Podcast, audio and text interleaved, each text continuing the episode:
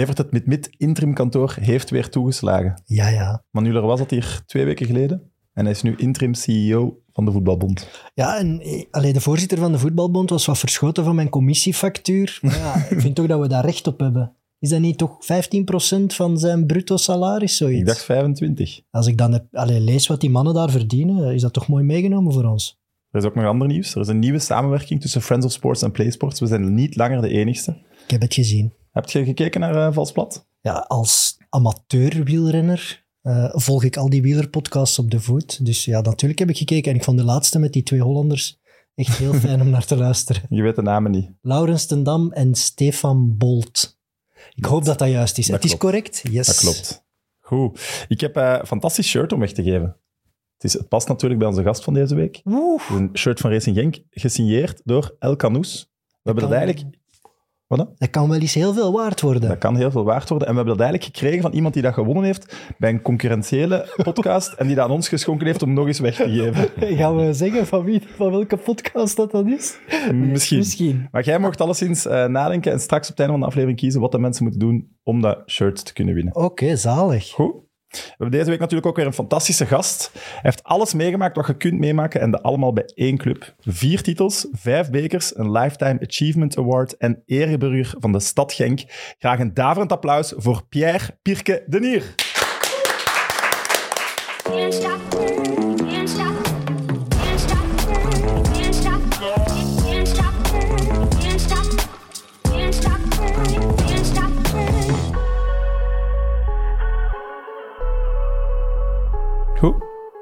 Welkom Pierre.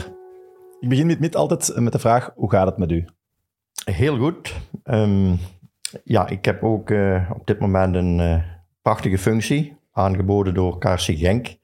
Dus vorig jaar heb ik mijn afscheid gekregen, gevierd. eh, Het is bijna een jaar geleden ondertussen. Hè? ja, bijna een jaar geleden. Hè, 48 jaar in dienst van stamnummer 322. En ik had al lang idee van, na mijn carrière wil ik iets doen om het verleden terug wat meer te betrekken bij de club. En ik ben op dit moment, eh, ze noemen dat eh, een mooi woord, goodwill-ambassadeur. Ik had daar nog nooit van gehoord. Nee, ik ook niet. ik heb het opgezocht. Dus ik heb ook nagevraagd wat het betekent. Ja, nee, niemand kan eh, precies zeggen wat het is. maar in elk geval, ik amuseer mij. ik nodig dus oud-spelers uit, oud-trainers. Ook af en toe een andere figuur die wat met Genk te maken heeft. En dat loopt gelijk in een trein. Want ik heb ook op het tweede verdiep van het stadion Café Pierre de beschikking gekregen Uw eigen café. een mooie ruimte waar ik dus ook met mijn gast kom. Maar wat doe ik? Ik ga met de gast, met de familie, als hem eh, die bij heeft, eh, eten vooraf in de business. Dan ga ik eh, op vijf, zes plaatsen, stel ik die speler of die trainer voor. Spreek ik even over zijn periode bij Genk. Hè, dat, is, dat kan een speler zijn die 30 jaar geleden bij ons heeft gespeeld, eh, die twee jaar geleden bij ons heeft gespeeld gelijk Torsaris eh, gast geweest. En dat is heel interessant dat de mensen daar een klein interviewje van horen. En dan kijken we samen de wedstrijd en dan is het nog dikwijls eh, nagenieten. En eh, die café loopt hoe langer hoe voller moet ik zeggen. En wat moeten wij doen om een uitnodiging te krijgen voor Café Pierre? Eh, mij bellen. oh, dat is makkelijk. Ja, nee, dat is... Dat is dan bij de ben- VIP's vooral dat je moet langsgaan, of, of hoe moeten we dat zien? Hoe zeg je? Dat zijn VIP's vooral dan die langskomen voor die, die special guest, of hoe moeten we dat zien? Ja, Dus ik ga dus rond eh, met, die, eh, met die gast, hè, door de businessruimte. en achteraf komen dan ook die mensen in Café Pierre iets drinken, die nog een foto willen met eh, die gast. eh, en ja, hoe bekender dat hij is, hoe meer Ja. succes dat hij heeft, je weet hoe dat gaat. Hè. Trossard, hoeveel selfies heeft hij we hadden geluk, de koningin was dat weekend eh, Ah, ja. en had hij een vrij weekend, onverwachts. En dat was voor ons het moment. Hè. Ik Het is wel mooi dat hij dat doen ook. Ja. Ja, we moeten het ook willen doen. Hè. Ik hoop dat dat. ik nog ooit Kevin de Bruyne of Thibaut over de vloer krijg, maar die kans is natuurlijk heel klein. ah, Thibaut zat toch in de versus eh, dit weekend? Ja, Hij was maar je weet nooit. Wat is zijn vrouw? Wat is de toekomstige vrouw? Ah. Ik vind wel, eh, de oplettende kijker, het, eh, Pierre heeft op zijn kostuum een kleine pin van KRC Genk. Het zijn de details die de man maken. Dat hoort wel, vind ik, als goodwill ambassadeur. Ja, vroeger ja, hadden wij een heel groot logo op het kostuum, maar eh, Ja, ik vind het classy. beter. En ik vroeg mij nog af, is het Pierre of Pier? Eh, ze zeggen van alles. Eh, normaal is de meeste Pierre. Maar omdat ik vroeger als speler, ik was klein, iedereen noemde mij Pierke. Eh Guy Thijs vroeger, de, de bondscoach, die zei Peter altijd. eh, dus, Peter. ja, en op de paspoort staat Pieter. Dus eh, Maar de familie noemt u Pierre. Pierre is Oké, de, Pierre. eigenlijk de, de, de meest gebruikte naam. Eh, mist je het niet? Zo'n actievere functie. De, Nu bij wedstrijden en als teammanager, als assistent. Nee, ik, actie eh, ik, eh, ik moet zeggen dat ik eh, geen spijt heb van vorig jaar die beslissing te pakken. En vooral ook heeft te maken natuurlijk dat ik nog in de club actief ben. Hè. Moest het helemaal stoppen, dan denk ik dat ik misschien ook in een zwart gat was gevallen. Maar ik kan me voorstellen, als je moet afstand nemen van de spelers, de Toch een kleedkamer, beetje afkicken zo. dat je dat Ja. wel mist. Ja, maar dat is nog erg goed meegevallen. Maar ik loop nu ook nog door die kleedkamer op. Hè. Ik ga bij de trainerstaf binnen. Dus ik ga één dag per week ga ik nog naar de club. En ik voel me nog heel goed thuis daar. Dus eh, dat speelt dus ook mee dat ik dat nog kan doen. Ja, dat snap ik. Ja, ze doen het wel heel goed. En Franke doet het heel goed. Lijkt me wel een trainer waar je goed mee had kunnen klikken. Ja, hij zei ook eh, vanaf het moment dat hij hem getekend heeft, Pierre, dat is toch straf, hè? nu kom ik naar Genk en dan vertrek jij. ik zeg, ja, maar eh, je bent nog niet van mij af. Ik probeer u nog eh, bij een of andere zaak te helpen. Hè. Ja. Ja. het is toch de perfecte Limburgse connectie nu. Terug met Wouter als hoofdcoach. Dat Ja, past perfect heeft, bij eh, Racing Genk ook. Hè, we- vorig jaar was eigenlijk een slecht seizoen. En eh, iedereen dacht, hij heeft tijd nodig voor het op rails te krijgen. Maar eh, het is vrij snel gegaan. Ik zag al in de voorbereiding dat het heel goed zat. Niet alleen met de spelers, maar ook met de staf. Hè, er hadden een paar mensen bij. Een paar andere nieuwelingen in de staf. En dat heeft direct geklikt. En eh, ja, na die eerste match had ik een heel goed gevoel. Al hadden we die verloren op Club Brugge. Maar, Ja, het, was, maar- het was de beste match Ja, voor, voor goed. mij van het seizoen. goed ja. Kon even goed de andere kant zijn opgevallen. Ja, en dan daarna maken we een reeks die ik nog nooit heb meegemaakt bij Genk. Eh, tot aan de break van de WK eh, hebben wij denk ik niet meer verloren. Onvoorstelbaar goed voetbal. Dus het was genieten. En vooral in mijn nieuwe functie, hè, met, met de gasten die ik had. eh, ja, we zagen prachtige wedstrijden. En je weet, als je goed speelt, dan valt die bal ook goed. Hè. Ik denk maar aan de 94e minuut op Union, waar Samatta de winning goal maakt. Maar eh, dikwijls oogstrelend voetbal, ja. Vraagt hij ooit iets eh, over het sportieve aan u? Feedback van, Nu? Wat, wat zou jij doen, Pierre? Of, Nee, nee. Nee, niks meer? Nee, en daar- dat, ik wil ook niet... eh, het sportieve is voor mij afgesloten en eh, ik, ik heb er ook niet echt behoefte aan. eh, maar eh, dat wij na de match wel iets samen drinken, dat is wel het geval, ja. En dan gaat het toch over voetbal. Ja, tuurlijk, over de voorbije match en zo. Maar ik zal zeker niet, eh, niet eh, mij nog mengen eh, of- in discussies. nee. Ga je nog naar alle uitmatchen? Nee. Ik kies mijn wedstrijden, omdat ik ook ja, na zo'n lange tijd... mijn vrouw die heeft dus altijd in functie, want dat is raar. Ik tekende mijn eerste contract, heb ik ook mijn vrouw leren kennen.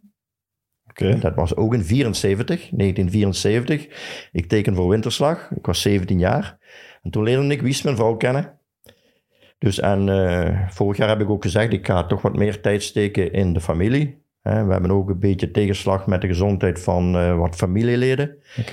Dus eh, ik ben er ook over beginnen nadenken. Daarom ook dat ik gezegd heb, ik ga nu ook tijd steken in mijn familie, in mijn kleinkinderen, zes stuks. En in mijn vrouwke. Meer dan 40 jaar na uw eerste contract heb je gezegd tegen uw vrouw, ik ga wat meer tijd maken voor u. Ja. 49, ja. Dat was een vraag die ik wou stellen. Wat is de langste liefde? Maar dat is dan exact hetzelfde. Ja, Oké, Dat is mooi. juist hetzelfde, eh, even lang. Ja. mooi. En 49 jaar bij één club? Ja, dat is uniek, toch? Oh ja, ik maar heb hier dat als is- vraag staan, ja. komen er mensen in de buurt? Maar pff, ik zou niet weten wie. Als, als voetbalromanticus, eh, zo, zo zie ik mezelf toch een beetje, vind ik ja, Pierre echt een geniaal figuur. Ik kan daar alleen maar een bewondering voor hebben dat iemand zo trouw aan zijn club blijft, ondanks ja, alles wat er in die 40, 45 jaar allemaal gebeurt. Ik vind dat echt geniaal. Dat ik is had toch... Jean Dox op staan, dat Ja, ook wel lang was maar dat is iemand. qua tijd, allee, dat is geen 49 jaar of zo. Nee, nee, oké, maar er zijn wel figuren en supporters hebben dat nodig. Supporters zoeken naar zo iemand die, ze, die herkenbaar is, die ze weten, die is er altijd. En je ziet dan ook dat zo iemand een soort cultstatus krijgt en dat is bij Pierre ook zo gegaan. Als je lang blijft bij een club, kun je eh, soms hoger aanzien worden dan een topspeler. Hè, Totti heeft dat bij AS Roma, die heeft een cultstatus omdat hij nooit vertrokken is. Ik vind dat, ik vind dat echt iets, ja, iets prachtigs dat moeten koesteren. En dat minder en minder gebeurt, omdat er veel meer transfers gebeuren. Klopt. Maar je kunt het ook op een andere manier bekijken. Hè. Ze wilden misschien nergens anders mee, hè? Dat kan ook. Maar dat Nee, klopt maar niet ik- helemaal, hè? ik lag ook altijd heel goed bij de supporters. Eh, ik stak er ook altijd heel veel energie in. En we zullen daar straks nog wel op terugkomen. Ik heb ook veel brandjes moeten blussen. Tussen de spelersgroep, trainers, staf eh, en supporters. Vooral in tijden dat het minder ging. Want eh, er zijn dagen geweest dat we, ik zeg maar, terugkwamen van een verplaatsing.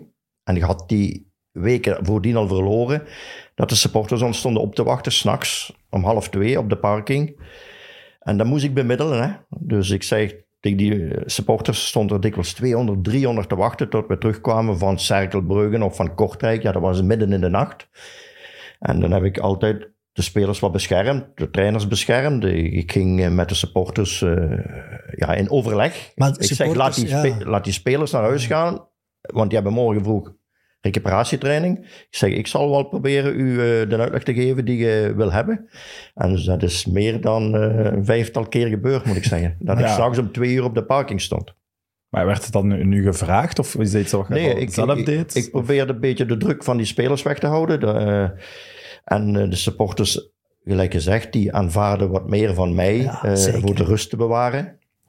En eh, ja, ik heb veel brandjes moeten blussen. Ik herinner mij nog een scène eh, eh, in het stadion dat Patrick Janssens en zo echt uitgescholden werd door, door fans, honderden. En daar stond jij ook bij, denk ik. En ja, dan- want toen had Patrick, dat was een supporters eh, meeting. En toen vroeg Patrick, Pierre, ik wil dat jij absoluut met mij meegaat. Want Patrick voelde dat hij de win van voor ging krijgen. En ik was dan erbij voor te sussen, voor ja, proberen de vrede te bewaren. Want het waren moeilijke momenten toen ook, ja.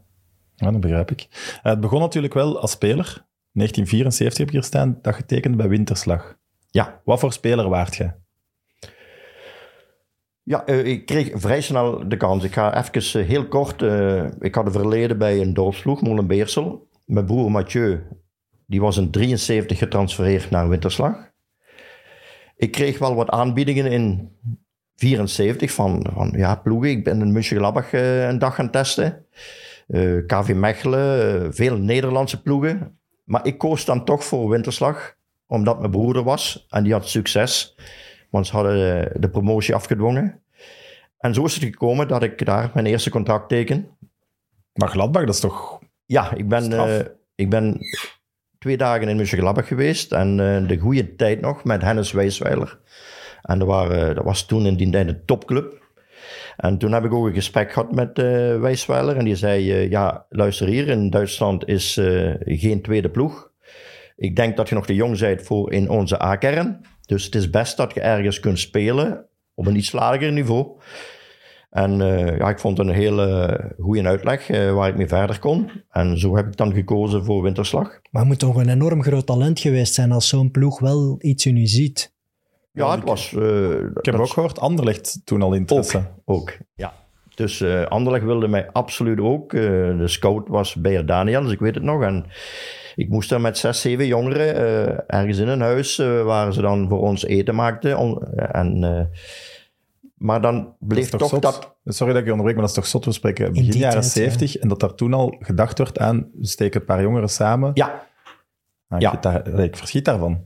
Ja, want eh, dat was ook zo. Eh, je moest dan de hele week blijven. Hè, en dan in het weekend de wedstrijd. En als het dan uitkwam, mocht je naar huis in het weekend of in een dag.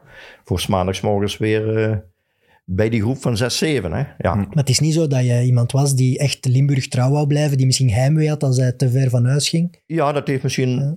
meegespeeld. En vooral ook omdat Jeu, en ik zag dat Jeu, ja, die deed het fantastisch. Ze werden kampioen. En ik had die goesting. Maar ik wist ook, dat ging misschien jaren duren voordat ik een plaats kreeg in die ploeg. Hè. Maar het mooie is dat eh, het tweede jaar van Genk ging op.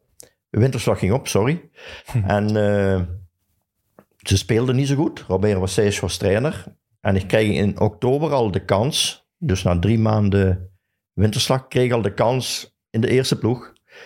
Dus op een zaterdag kwamen ze thuis zeggen dat ik zondags mee naar Brugge moest. Club Brugge, winterslag. En daar heb ik mijn debuut gemaakt op de klokken. Eh, de oudere mensen zullen zich goed herinneren wat de klokken. dat was een, een mythisch stadion. Een geweldige sfeer. het grote Brugge. En dan mocht ik mijn debuut maken. Aan de rust mocht ik inkomen bij 4-0 achterstand. Schrik. Geze- Ja, gezellig. maar bij 4-0 was de schrik Bij 4-0 misschien minder. mocht ik nog inkomen. Ja. En eh, En meteen het verschil gemaakt. 4-5. eh, het zijn er zeven geworden. dus de match eindigde op 7-0. Maar er was een Deen bij Brugge, die scoort viermaal, Abeg. Dus sommige dingen vergeet je niet. En dat was mijn debuut. En ik moet zeggen dat ik dan ook vanaf dat moment eh, ja, altijd heb gespeeld. Ik denk 14 jaar aan een stuk. Amper een keer, eens, een keer in een reserve, maar eigenlijk altijd basisspeler geweest. En dan heb ik toch een, eh, heel veel voetbalplezier gehad. Ehm, Winterslag was ook een ploeg waar altijd de betere weggingen. Maar ik bleef. maar ik heb eh, geweldig veel plezier gehad. Eh, Maar je was wel geen profspeler. nee, ik deed dus mijn acht uren werken bij de sponsor in het magazijn. Dat was gewoon hard werken. En dan s'avonds eh half vijf gedaan. Maar we- werkten dan alle spelers ook bij de sponsor? Of mochten ze ook we ergens werkten anders met, werken? met twee, drie bij de sponsor. Daar werkte er stukken vijf, zes eh, in de mijnen. Oké, Ja, eh, dat is wel fysiek Mijn broer werkte op het fort. Op fort waren er ook een drietal. En dan waren er een paar die les gaven. Hè? Paul Teunis, Tony Rombouts, eh Lambrichts. Dus eh, het was eh, de combinatie eh, werk, voetbal. En wat was de sponsor? ja. eh Joko. Prachtige Dat was- truitjes ook. Hè, als, eh, ja, dat was gestreept rood-zwart. AC Milan Wat, truitjes. wat is Joko? Of wat doet Joko? Eh, dat was een voedingsbedrijf, hoofdzakelijk kaasvoeding. En eh, het was altijd, ik was de hele dag aan het werken in drie graden. Hè, frigo. Het was eh, allemaal frigo. En in de zomerperiode, als de voorbereiding begon, kwam je buiten bij 35 graden. En voorbereiding was altijd labeur. Hè? Dus overdag, ja, zwaar. Dat was ook fysieke, fysieke arbeid. Ja, ja. Cameo's lossen, eh, naar binnen rijden. eh, redelijk eh, kilo's in mijn handen. Dat kan je je toch totaal niet meer voorstellen. Oké, dat zeg je altijd als je die verhaal van vroeger hoort. Dat kan nu, kan dat echt niet meer. Maar het blijft toch gek Ja. dat je acht uur per dag staat te sjouwen met kaas. Om dan nog te gaan trainen voor eerste klasse te spelen Ja. en nog Europees te gaan spelen. Dat is, Mag ik u iets gek. vertellen? Eh, Graag. De wedstrijd tegen Arsenal. Ze gingen in afzondering, maar ik kon pas vrij krijgen vanaf de middag. Dus ik heb nog vier uur gewerkt, van 8 tot 12. Daarna heb ik me in Hengeloef bij de selectie gevoegd. En s'avonds kloppen we Arsenal meteen op. Op de matchdag. Ja. Nog vier uur gewerkt. Maar dan... Zegt toch ook iets over de prioriteit van die sponsor, toch? Ja, die baas. Ja, ook die vond het wel belangrijker dat je kwam werken dan dat je de match Had was. Pierre vandaag moeten niet komen werken, toch? Dat was ongelooflijk, want Ja. ik herinner me nog op die afzondering. Tjeu Bolle kwam, eh, was de trainer en eh, Ernst Happel, dat jaren met Mathieu Bolle samengewerkt, die kwam ons nog goeiedag zeggen in het hotel in Hengeloef. Dat is wel sympathiek. Ja, ja. Maar hoe kan dat, dat je dan geen vrij krijgt? ja Vind ik echt eh, gek. nee, ik heb met vier uurtjes gewerkt en eh, Je speelt tegen Arsenal.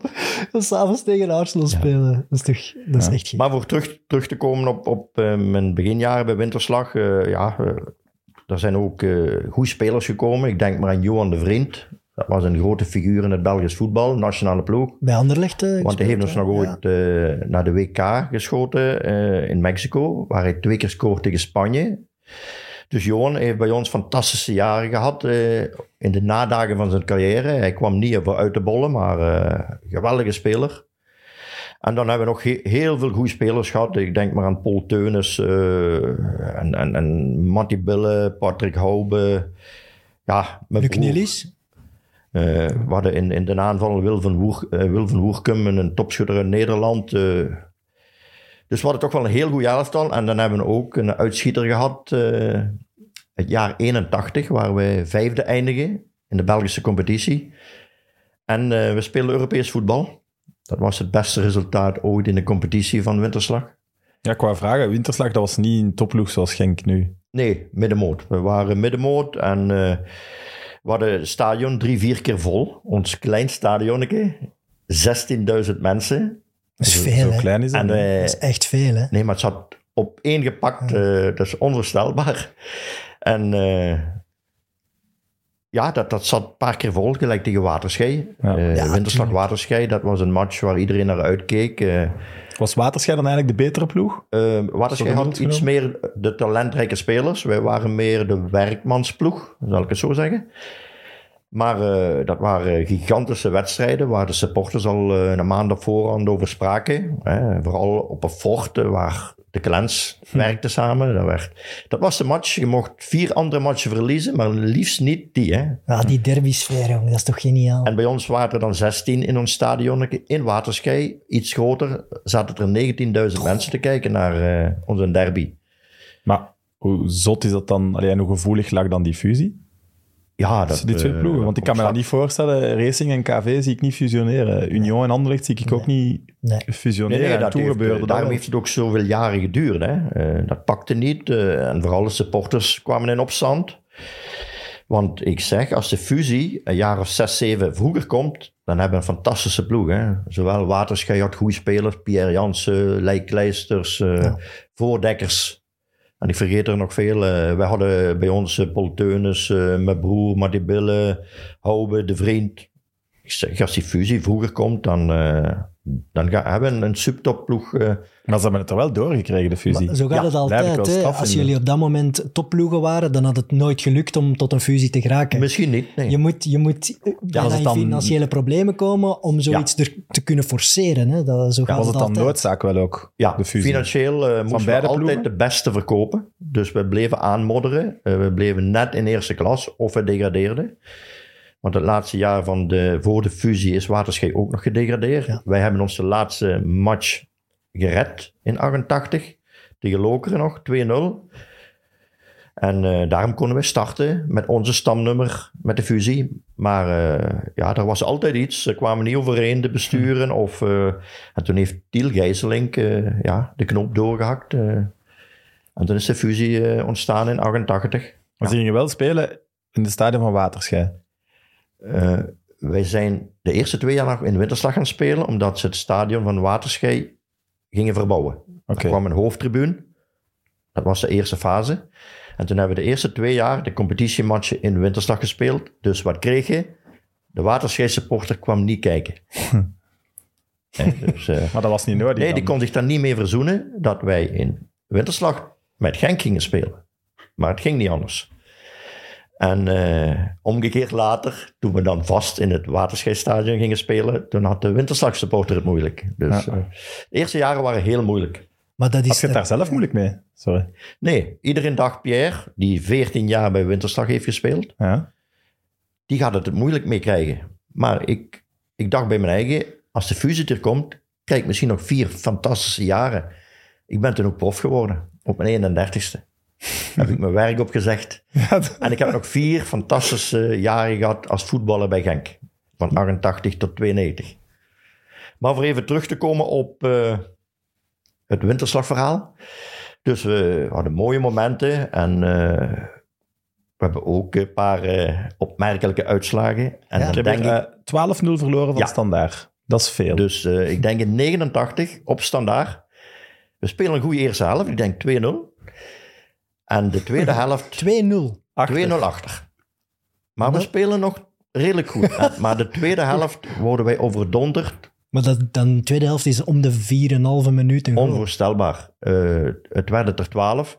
Want bij 9-0, ik dacht, Allee. ik ga toch proberen Erik Gerritsen een keer te passeren. Hè. en hij tackelt mij. Ik vlieg tegen die s- driehoekige reclameborden. Hè. Dat waren reclame van eh Boel Nationaal Filter, sigaretten en Apollinaris drank.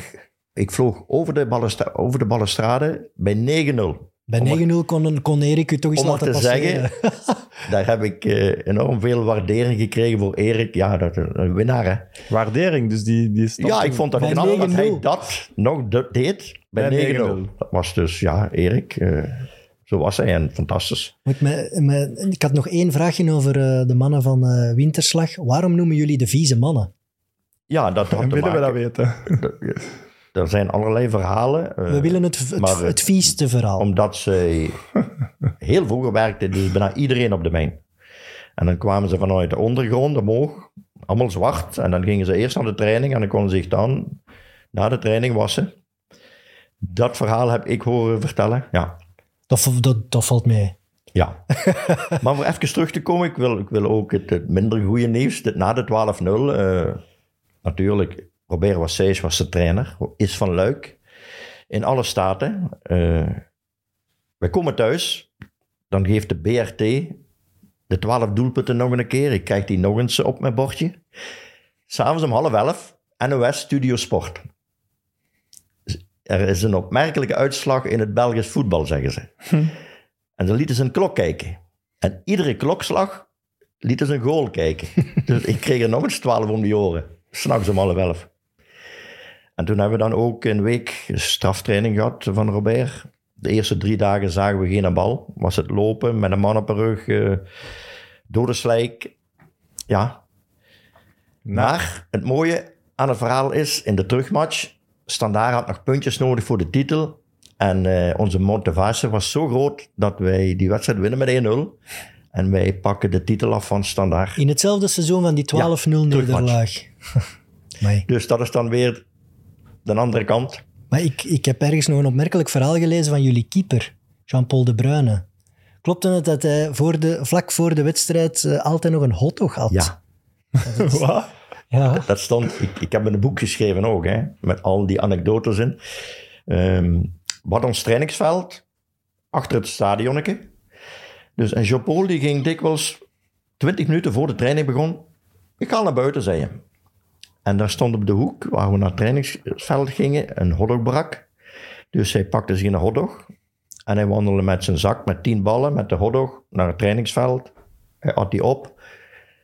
En dan kwamen wij met de rest, met de trainer en de spelers eh, op het trainingsveld. Dus hij had ze een hotdog op. En dan eh, moesten wij ook nog eh, enorm dat, ons best doen om te kloppen op training. deed hij dat dan ook tegen Arsenal? Ja, nee, maar daar Zo. heeft hij wel een wereldmatch gekiept. Dus we winnen thuis met 1-0 tegen Arsenal. En het was ook zo, we hadden gelood. En er kwam Arsenal winterslag uit de bus. En onze voorzitter had schrik voor een pandoering. Die dacht ook, als wij een lap om die oren krijgen, dan komt er geen volk kijken bij de terugmatch. Dus die heeft de wedstrijd omgekeerd. Eerst thuis. Wat in principe een Arsenal. nadeel is.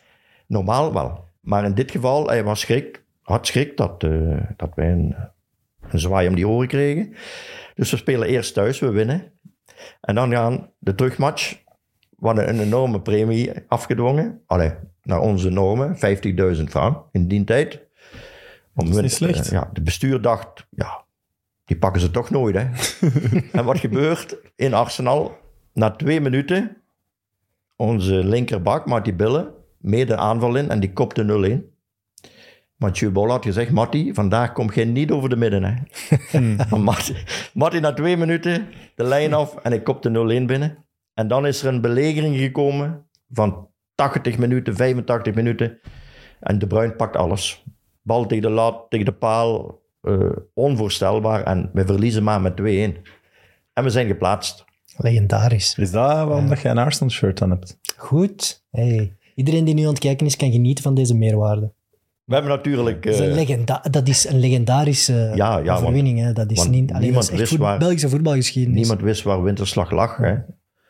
Eh, iedereen het- dacht aan de, in de kant, aan de kanten van Gent. Hè, ze vergisten zich af en toe met Genk, Gent. De Winterslag werd nooit, nooit van gehoord. Ik heb, nu, ik heb het eh, verslag gelezen van de Arsenal-supporters die daar toen bij waren. En die Mooi. moesten dan ja, via Zaventem en dan eh, met de trein eh, naar Genk. En die wisten totaal niet waar ze terechtkwamen. En dat is daar nog helemaal uit de hand gelopen, ook met de supporters. Ja, dus eh, kort bij het stadion van Winterslag is de Vennestraat en de Winkelstraat. Dus die supporters waren al 's morgens door die straten. Dus die hebben daar de, geplunderd. eh, ze hebben daar de winkels moeten sluiten. Ze hebben vensters kapot gegooid. Ze hebben zelfs op parking over de auto's gelopen. Dus dat heeft zich allemaal afgespeeld in de loop van de dag. en dan s'avonds, eh ja, win je ook nog die match. Maar ja, iedereen dacht in de terugmatch, dat wordt rechtgetrokken. Maar we hebben die overwinning ook gevierd in het hotel. Dus eh, roomservice eh, kwam er aan de pas. En eh, de, Premie rekening, er meteen door. de rekeningen die kwamen nog maanden nadien nog binnen bij bestuur. Dat kregen ze nog eens op die premie van Ja, 50.000. Sorry, ik vind eh, dat de, de man van de hoofdsponsor die u laat werken op de wedstrijddag tegen die Arsenal, betalen, ja. die mag niet klagen over de factuur van het hotel achteraf, vind ik. Ja. Dat kan niet. Dat vind ik ook. En, en dan hebben we nog eh, een ronde verder gegaan. Dus eh, Dundee United. eh, thuis spelen we een hele goede wedstrijd. In de regen waren maar 9000 mensen. Mooie wedstrijd, want ik heb ze nog af en toe eens bekeken op de video. en dan gaan we de terugwedstrijd.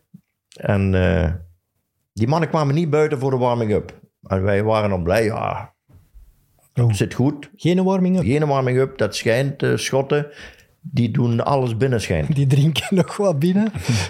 Dus we dachten, dat gaat er misschien toch wel loslopen. Maar de match begint en eh, na 15 minuten 3-0 achter. Dus ik was, Geen drie keer aan, kans eigenlijk. ik was drie keer aan de bal geweest voor te centeren. we raakten geen bal. En eh, aan de rust 3-0.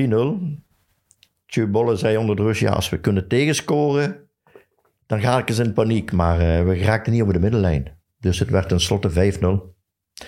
En uitschakeling. Maar ja, je had die iconische match gehad, hè. Maar we hadden Ja. dus eh, al geschiedenis geschreven, ja. Want dat was die vijfde plaats en, en die iconische matchen tegen Arsenal, is dat dan het hoogtepunt van uw Ja, ja. spelerscarrière? Ja, Sowieso. want daarna moesten wij dan ook weer afbouwen. Eh, sommige spelers gingen weer eh, andere weg op. eh, en zo werd het minder en minder. er Later hebben we dan nog een uitschieter gehad. Luc Niels, hè, de opkomst van Luc als 17-jarige, 16, 17 jaar. Heeft dan anderhalf jaar bij ons gespeeld en dan is hij al vrij vroeg naar Anderlecht getransfereerd voor 17 à 18 miljoen. Wat voor winterslag enorm was. hè. jackpot. Ja. En dan konden ze weer een paar jaar verder. Hè. Was dat het grootste talent waar je mee gespeeld Ja, hebt? Luc waar ik meegespeeld heb, ja, absoluut. En toen al. Toen al. Want die, die kwam bij ons op training, eh, heel freel. Ik, ik, ik herinner me nog op Racing Mechelen. Hij maakte daar twee goals, ene met rechts, ene met links van op 30 meter. Die traptechniek had hij vroeger al. Hij moest niet sterk zijn ook niet, hè? Nee, toen nog niet. Hij Nee. dat toch ook een beetje. Want eh Luc, eh, achteraf heb ik nog zo'n compilatie gezien van zijn doelpunten die hij... Ja, hij, Dat is voetbalporno. dat is echt niet traptechniek normaal. van Kevin, hè. Ja. Van Kevin bijna, hè. Dan, dus ik dat een groot compliment aan Kevin, maar... Ja, eh, links, rechts. Hè. Kevin Nee, ook, ja. maar, maar, maar Luc die eh, bij PSV, eh, amai. Ja. Ja, Dat was echt schilderen dat hij Ja. deed ook. Die kon alles. Die kon plaatsen, die kon hard plaatsen. Ja. eh, Binnenkant, die kon... Ja, ja. Ik vind dat we Luc nog eens moeten uitnodigen eigenlijk. Ja, hij Al is lang geleden. fulltime bij ons, hè. Ja. Ja, met zijn spitsen. Ja, dat is wel tof. Ja. Ja. Want ik vroeg me dan nog af, in die piekperiode, is er dan nooit sprake geweest van toch een transfer of de nationale ploeg? Of... Voor u persoonlijk? Voor mij persoonlijk, Ja, als je tegen Arsenal wint, dan lijkt me logisch Ja. dat de mensen beginnen Nee, ik- kijken wie speelt er allemaal bij Ja. Winterslag. nee, we hadden eigenlijk geen, geen internationaal. Eh, wel een buitenlander van Noorwegen, Albersson. Eh, En Guy Thijs heeft nooit gebeld van, hey, Pierre, nee, ik was wel bij de jeugd, hè. En dat samen met Leij. Dus toen werd Genk al genegeerd door de nationale ploeg, is wat je wilt zeggen dat, eigenlijk. dat is eigenlijk de conclusie. Ook, ook in de jaren tachtig, toen ze nog niet bestonden, werd Racing Genk genegeerd. En ik herinner me nog, eh, mijn eerste oproeping, dat was toen ik een paar maanden in de eerste ploeg van de Winterslag speelde, mocht ik samen met Lijke Leijsters naar een toernooi van Monaco. En eh, we waren altijd kamergenoten. Hè. Hij was van de Pitter, ik Molenbeersel, dat ligt daar heel bij elkaar. We hadden in de jeugd al tegen elkaar gespeeld met de kadetjes. En dan eh spelen we later tegen elkaar, tegen Tongeren, Waterschei. eh, en samen bij de nationale ploeg. En ik herinner me nog een, een vrije avond. Ik zeg, Lei, we gaan eens naar de film kijken. Hè. En we kozen een film, Emmanuel. Goeie keuze. En eh zanderdags bij het ontbijt, er waren wat van die pikante scènes bij. En hebben dat verteld aan de hele groep aan tafel.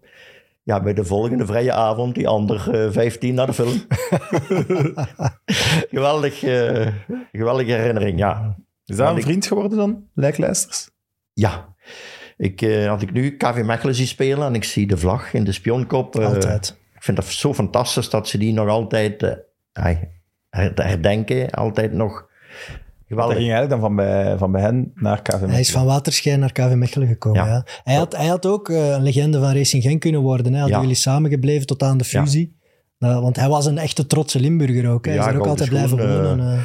Ja, Een fantastische voetballer, ja. ja, ja ik heb- ik heb, eh, eh, nationale ploeg. Hè. absoluut. Ja. Ik heb teruggevonden dat je 653 wedstrijden Ja. alleen voor Winterslag hebt gespeeld. Dat, dat is enorm veel. Dan was je nog maar 31. Ja, Dus dan dat wil zeggen dat je nooit gekwetst bent nee, geweest. nee, nee, dat had te maken met mijn werk. Hè. Ik was s'avonds los. Oeh. losgewerkt. Het voetbal was makkelijk als je Ja, ik dat was, werk eh, hebt gedaan. als je de hele dag, is wel een hele mooie. als je de, de hele dag niet veel doet, dan krijg je snelle spierblessures. Dus ik was de hele dag actief bezig met werken. Dus s'avonds was ik eigenlijk al opgewarmd. Ik heb nooit, nooit een eh, spierblessure gehad. eh, nee. Nee. En mijn broer, heeft ook misschien met de genen te maken. Mijn broer ook niet. eh. Dan denk ik dat het Dus, te eh, maken heeft. Ja. En het is nu, eh, ja, de club is opgericht in 1923, Winterslag. Het is 2023, 100 jaar geleden. Doet u dan nog iets? Denk je daar dan toch niet Ja, omdat we aan 9 terug? september hebben, gaan ze een monument plaatsen waar ooit het stadionnetje heeft eh, gestaan. Eh dan is ook weer een reunie. Eh, we hebben het al twee keer gehad. Dus er komt een, een groot feest voor het 100 Ja. jaar van Winterslag. Ja. Ah, dat vind Ja. ik wel leuk. Dus dat En- stadion bestaat niet meer. Het stadionnetje is volledig weg. Oké. Ja. En eh, nu is er een grasveld. Ze zeggen dat er later appartementen komen, maar dat ligt nog altijd zo. Maar ik heb dus drie matchen voor de fusie, ben ik, ben ik nog gehuldigd tegen KV Mechelen. Voor mijn 650ste match. Ah ja, En ik heb de matchbal nog thuis van Lei. Lei speelde bij? Mechelen. Ah, ja. En ik kreeg van hem de matchbal. eh, wat een zalig moment. ja, dat is toeval. ja, want mijn vrouw, die houdt niet van voetbal. Die Met, de met, verkeerde, met de verkeerde getrouwd. die kwam altijd kwartier voor het einde van de match, dat we samen na de match iets konden gaan drinken met de spelers. Maar het spelletje op zich, Daar keek die niet naar. nee. En daar hebben ze nog even gewacht, want ik werd gehuldigd tot wie er was. Dat is mooi. En dan ben ik op de middencirkel, eh, ik heb de cadeautjes nog liggen. En, en die matchbal van Lei, ja, die, eh, dat is natuurlijk voor mij een reliquie ook, eh, dat hij er niet meer is. En ja, 650 Zijn er dan nog dingen dat je, dat je van speciale objecten, ik vermoed ook shirts, veel shirts dat je in je carrière verzameld hebben? ja ik heb eh, niet zoveel. Als ik dat eh, nog eens moest doen, ja, dan was ik recordhouder, denk ik, van shirtjes. Maar vroeger was dat nog niet. Hè. Eh, we kregen vroeger alleen eh, na de laatste match van het seizoen ons eigen shirt mee naar huis. eh, en dat was het. Daar, alleen bij de nationale ploeg werd er gewisseld, geruild. Maar nu is iedere wedstrijd wordt er geruild met tegenstanders. Hè. Eh, dat is nu een rage geworden. Maar in onze tijd, Maar ik bedoel toen ook, toen je assistent en later teammanager werd.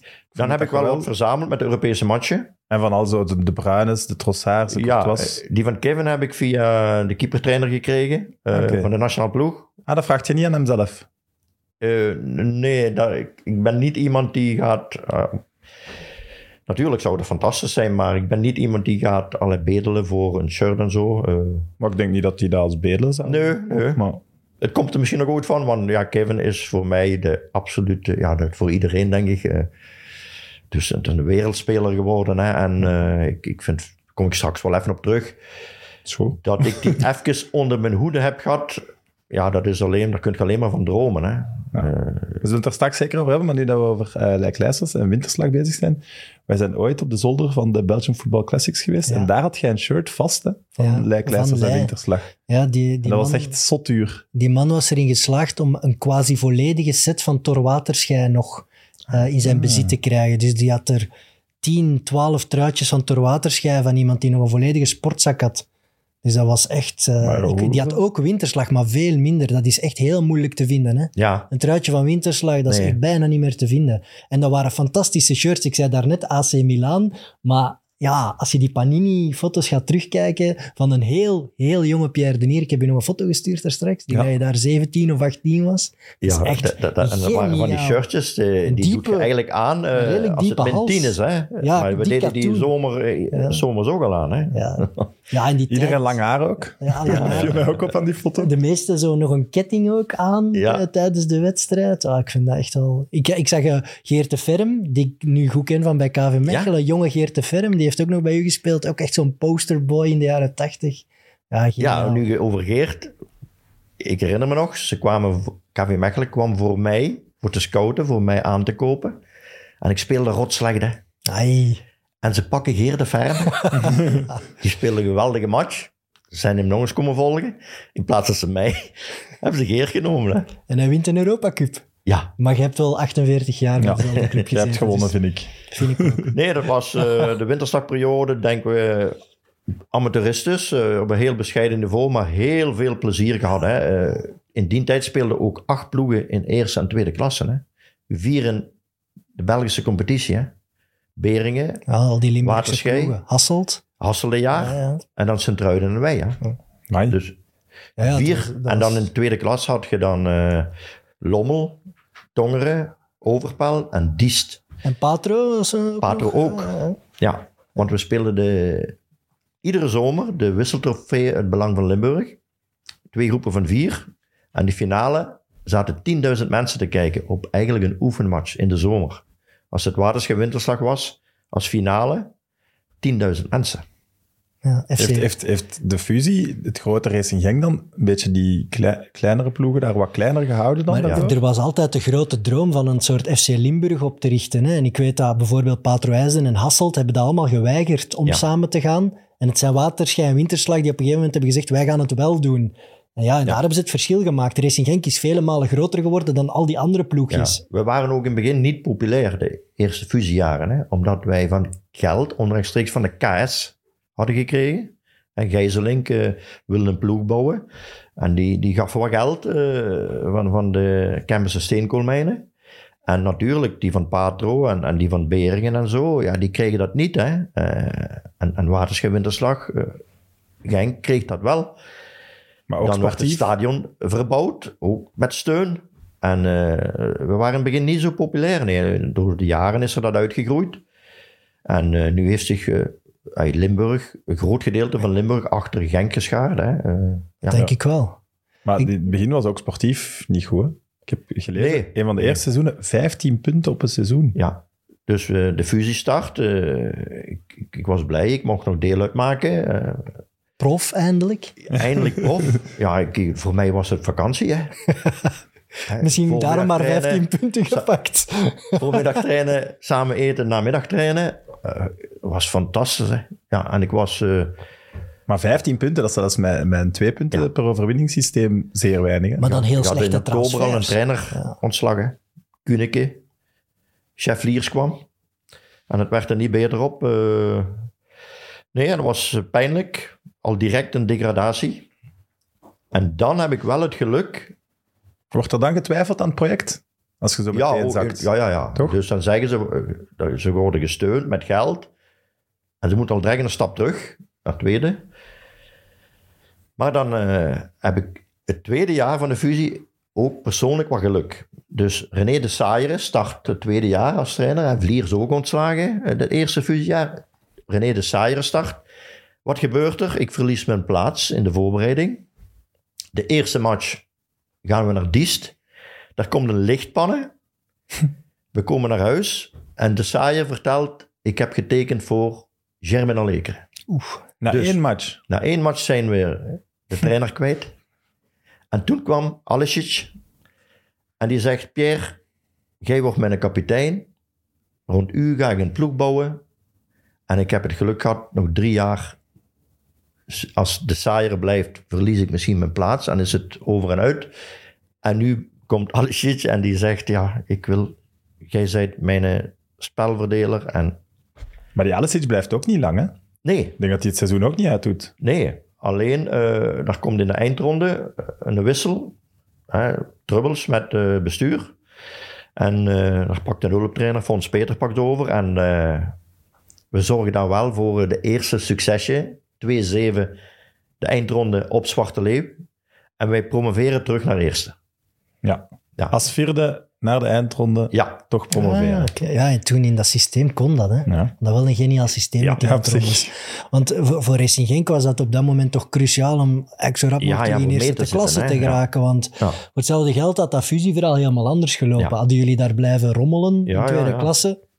maar we gingen dus direct op. En we hadden daar ook een driehoek. eh Gimezi, Boezetil, Boekan.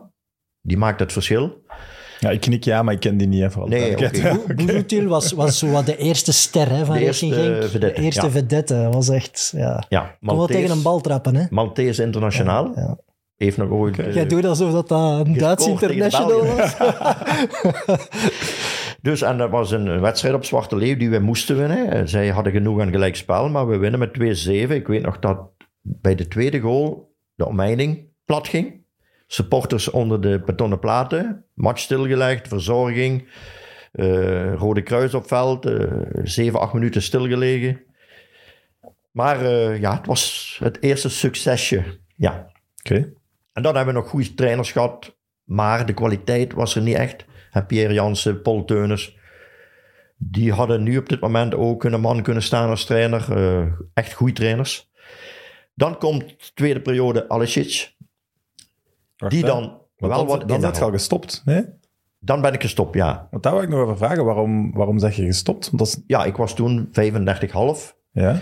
En eh, Maar ik had iets gelezen van een schorsing gele kaarten. Ja, dus in, in 1992, eh, ik pak mijn derde gele kaart op Beveren en ik word de laatste match geschorst. Mijn afscheidsmatch Ah. heb ik in Burger, Oei. met mijn vrouw en mijn kindjes het veld op in kostuum.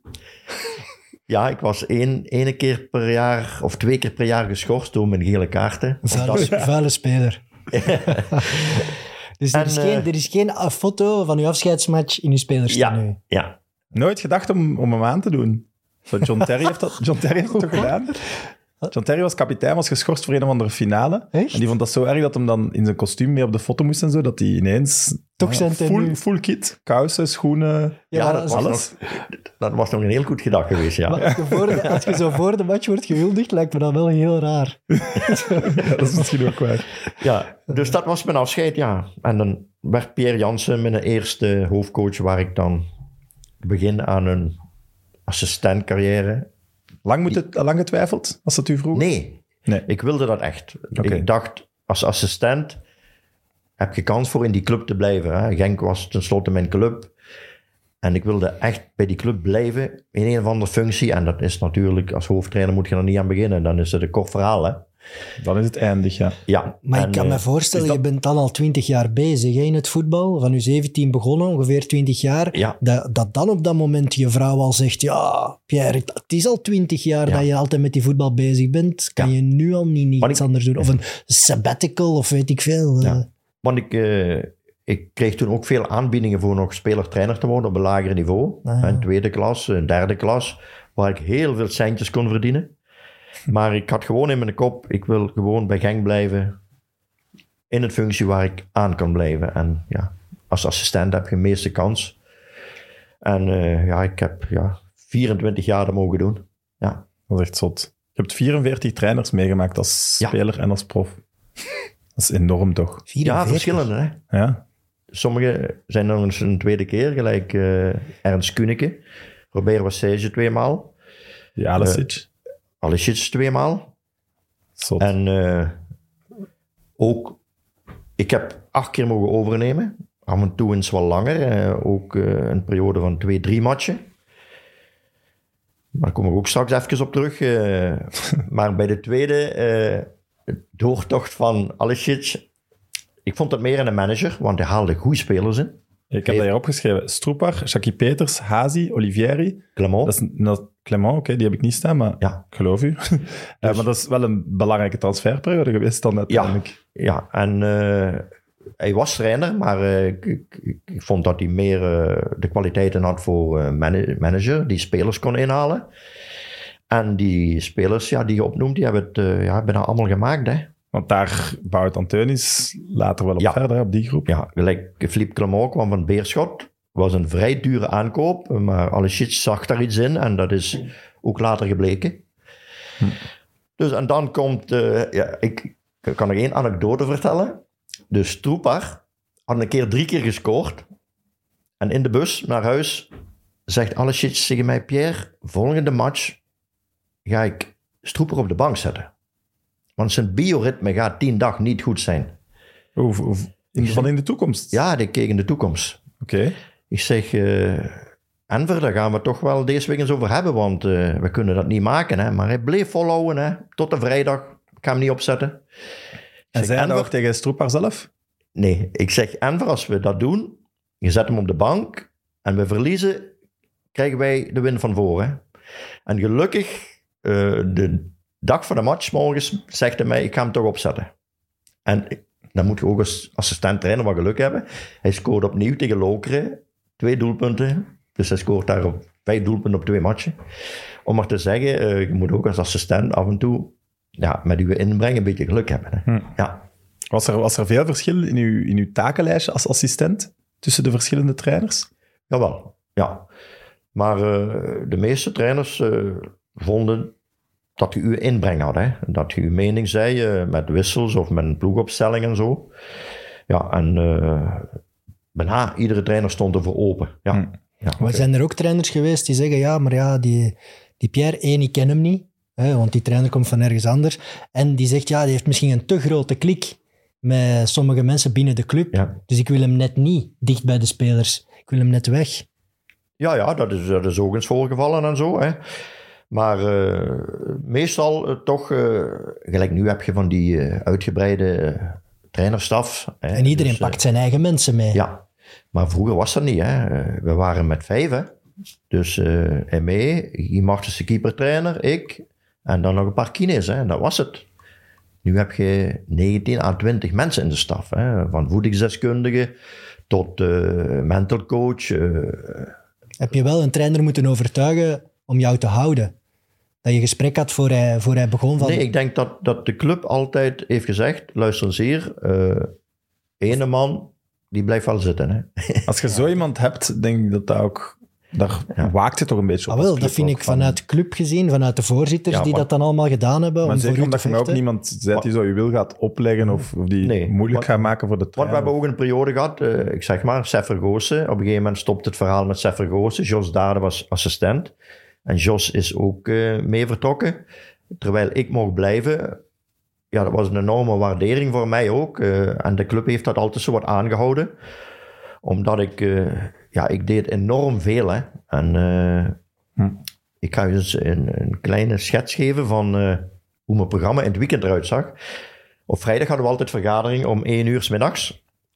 Dan hadden we training om 3 uur. Ik deed de coaching van de tweede ploeg op vrijdagavond. Oké. En dat kon zijn ook in Cerkelbrugge of, of, of thuis. Ook s'nachts thuis. Zondags training, eerste ploeg. Even naar huis. Want ik deed ook de wedstrijdscouting van de tegenstander die kwam. En dan was dat Molenbeersel Moes Kroen. Molenbeersel Kortrijk. 220 kilometer enkel. Ik hoop dat je een kilometervergoeding had. Dus ik kwam weer om één uur s'nachts thuis. En zondags hadden we dan de match van de eerste ploeg waar ik assistent was. Dus ik was eigenlijk weg van vrijdagmiddag tot zondagavond. Wordt eigenlijk ja, dan moet je een goeie- elk weekend weg. Dan moet je een goede vrouw hebben, hè? Amai. Die geen fan is van voetbal. En die ging dan niet mee voor een leuke autorit naar Moeskroen. Nee. Zo, boterhammetjes gemaakt. Ja. We gaan op citytrip naar Moeskroen. Ja. Ja. maar waarom, wa- waarom zou je dan nog, ook nog eens de reserve trainen? En, en, al, en Ja, de ik ik tegenstanders deed de coaching omdat, omdat bij de A-kern had je zeven, acht mensen die we met reserve lieten spelen. Hè? Je trainde die in de week. En ik deed dan de coaching, omdat die ja, de hele week met ons aan het trainen waren. en er Maar deden alle ah, assistenten in eerste klasse? Sommigen. Sommigen. Ja? Ja. Oké. Je moet Ja. toch een echt voetbaldier zijn om Ja. dat te dat is, blijven ik, doen. ik, kan, ik kan af en toe niet begrijpen dat ik dat heb volgehouden. Want die, ah, hoeveel wedstrijden heb je dan niet, ge- Ja. niet langs het veld gestaan? Maar ook dat scouten, dat is, dat, van de ik- tegenstander die dan een week later komt, dat zou ik al aan iemand anders geven. Maar Ja. En dan moest je dat verslag, wat je zag, eh, ook nog nog uitschrijven thuis. Hè? Ja, ja, dat was enorm veel... eh, heb je het Maar- ooit, want je, we zeggen al, je hebt acht keer overgenomen. Ja. Heb je het ooit moe- moeilijk gehad met over te nemen Ja, ja. van iemand die ontslagen was?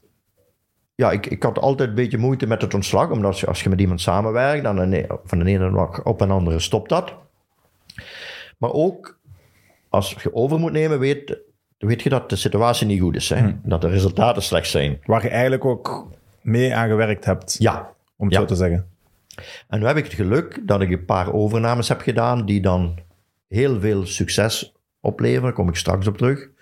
En ehm, ja, dan, dan gelooft de club ook in u. Hè? Dus dan, dan dwing je dat ook een beetje af. En eh, ze hadden ook altijd direct bij een ontslag, Pierre, het is weer aan u, zolang het duurt. Het is weer aan u. Ja. En dan zei ik, probeer zo snel mogelijk een nieuwe coach te vinden, want ik was niet gemaakt voor hoofdcoach. Ik, ik- ik was niet stressbestendig en ik pakte het werk mee naar huis. En dat moet, mocht je natuurlijk niet doen. Hè. Eh, al de problemen, eh, slapeloze nachten. Daarom zei ik ook altijd, zoek vanaf morgen. Ik doe het, maar zoek vanaf morgen en een opvolger, een nieuwe. Dat is wel niet goed voor de, voor de ontslagen trainer dat jij er waart.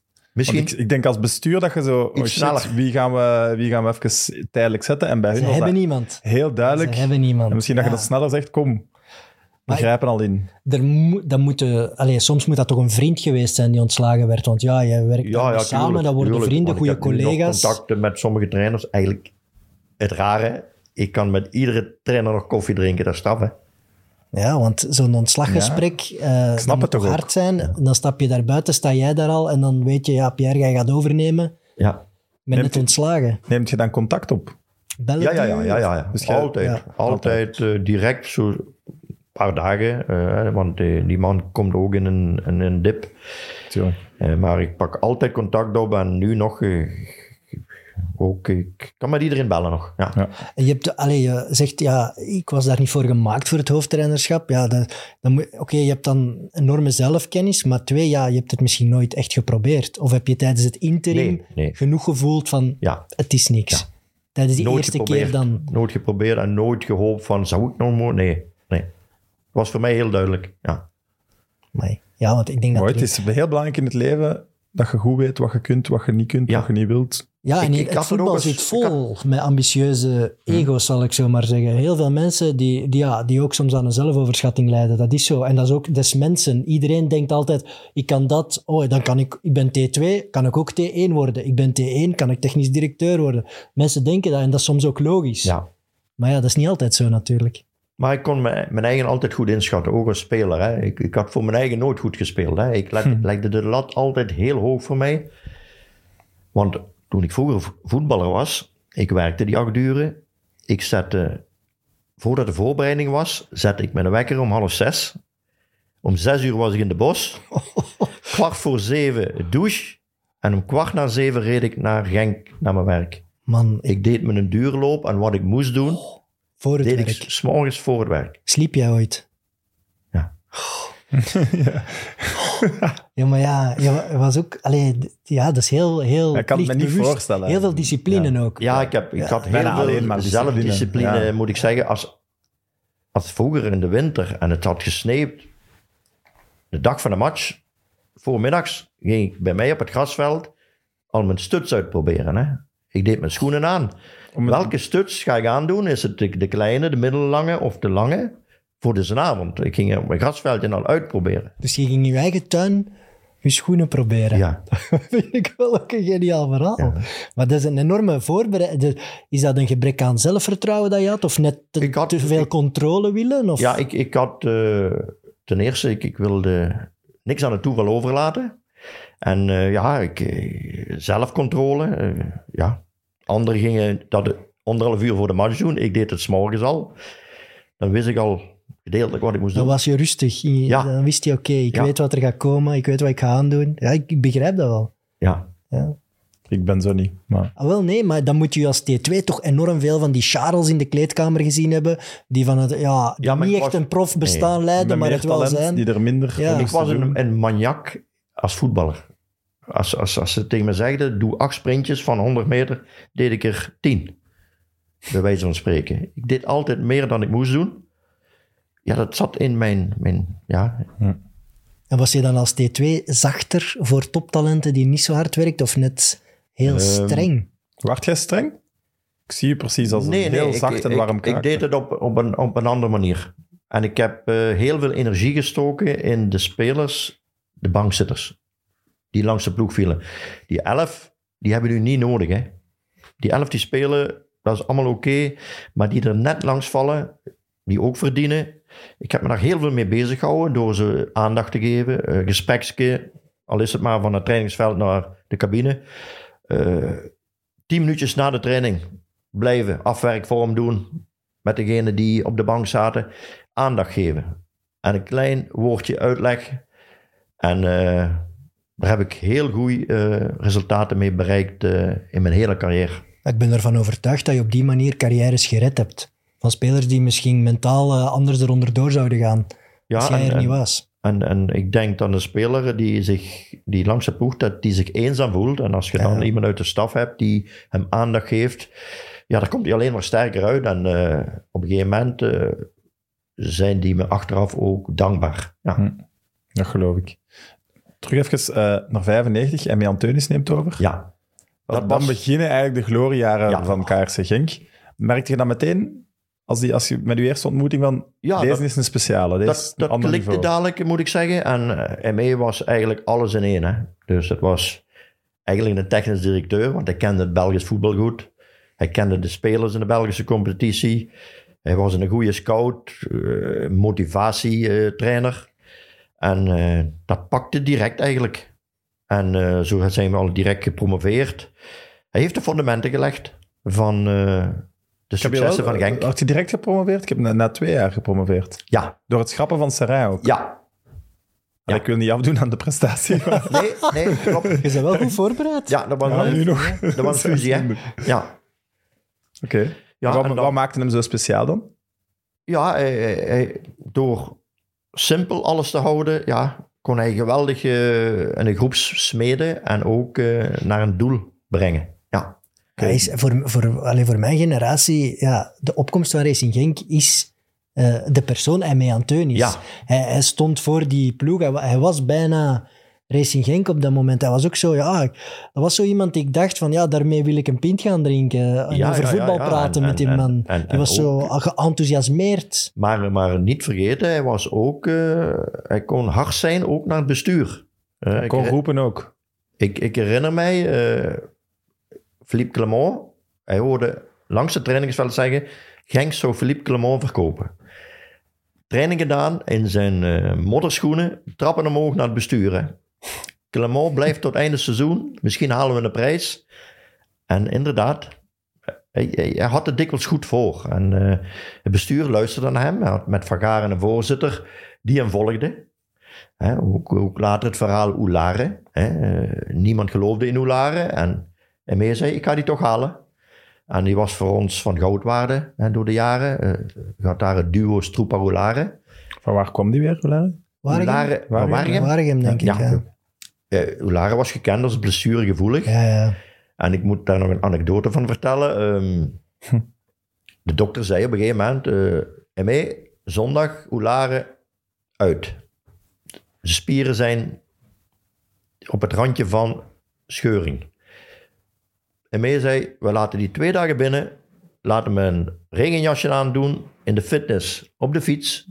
Laat hem maar een beetje zweten en hoeft niet op meer veld.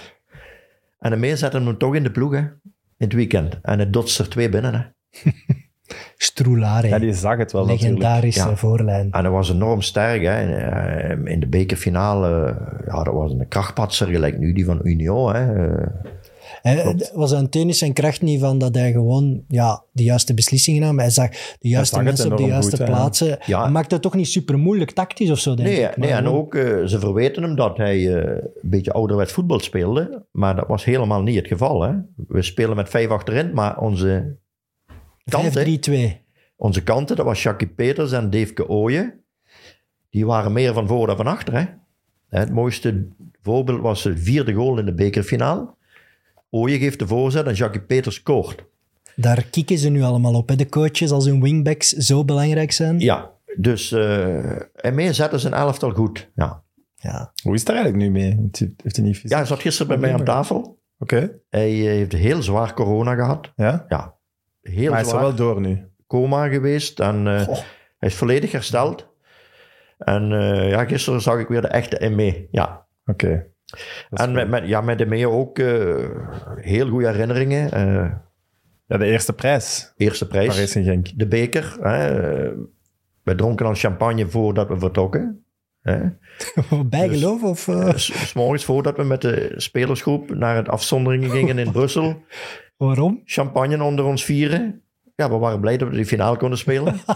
Maar wie waren jullie vier dan? Anteunis, jij, Eh Guy Martens. Guy Martens, de ja, keeperstrainer? en eh, Tony Greco, de, Ja, toenmalige teammanager. Oké. We dronken champagne en... eh, Om te, om, dat zijn ook de zenuwen weg, denk ik. ja, misschien, maar vooral omdat wij blij waren dat we daar mochten gaan spelen. Ja, dat is toch prachtig. We waren kansloos op voorhand. Ja, op voorhand, ja. Ja. En dan eh, we hadden veel geschorste gekwetsten. Dus we gaven onszelf niet zoveel kans. Ja, en dan voor de wedstrijd de ploegfoto. Die van Brugge met een 11 op de foto. Wij stonden daar en Emé vraagt iedereen op de foto.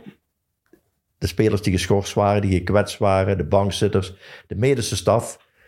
Want Erik Kerts, die stond daar te wachten.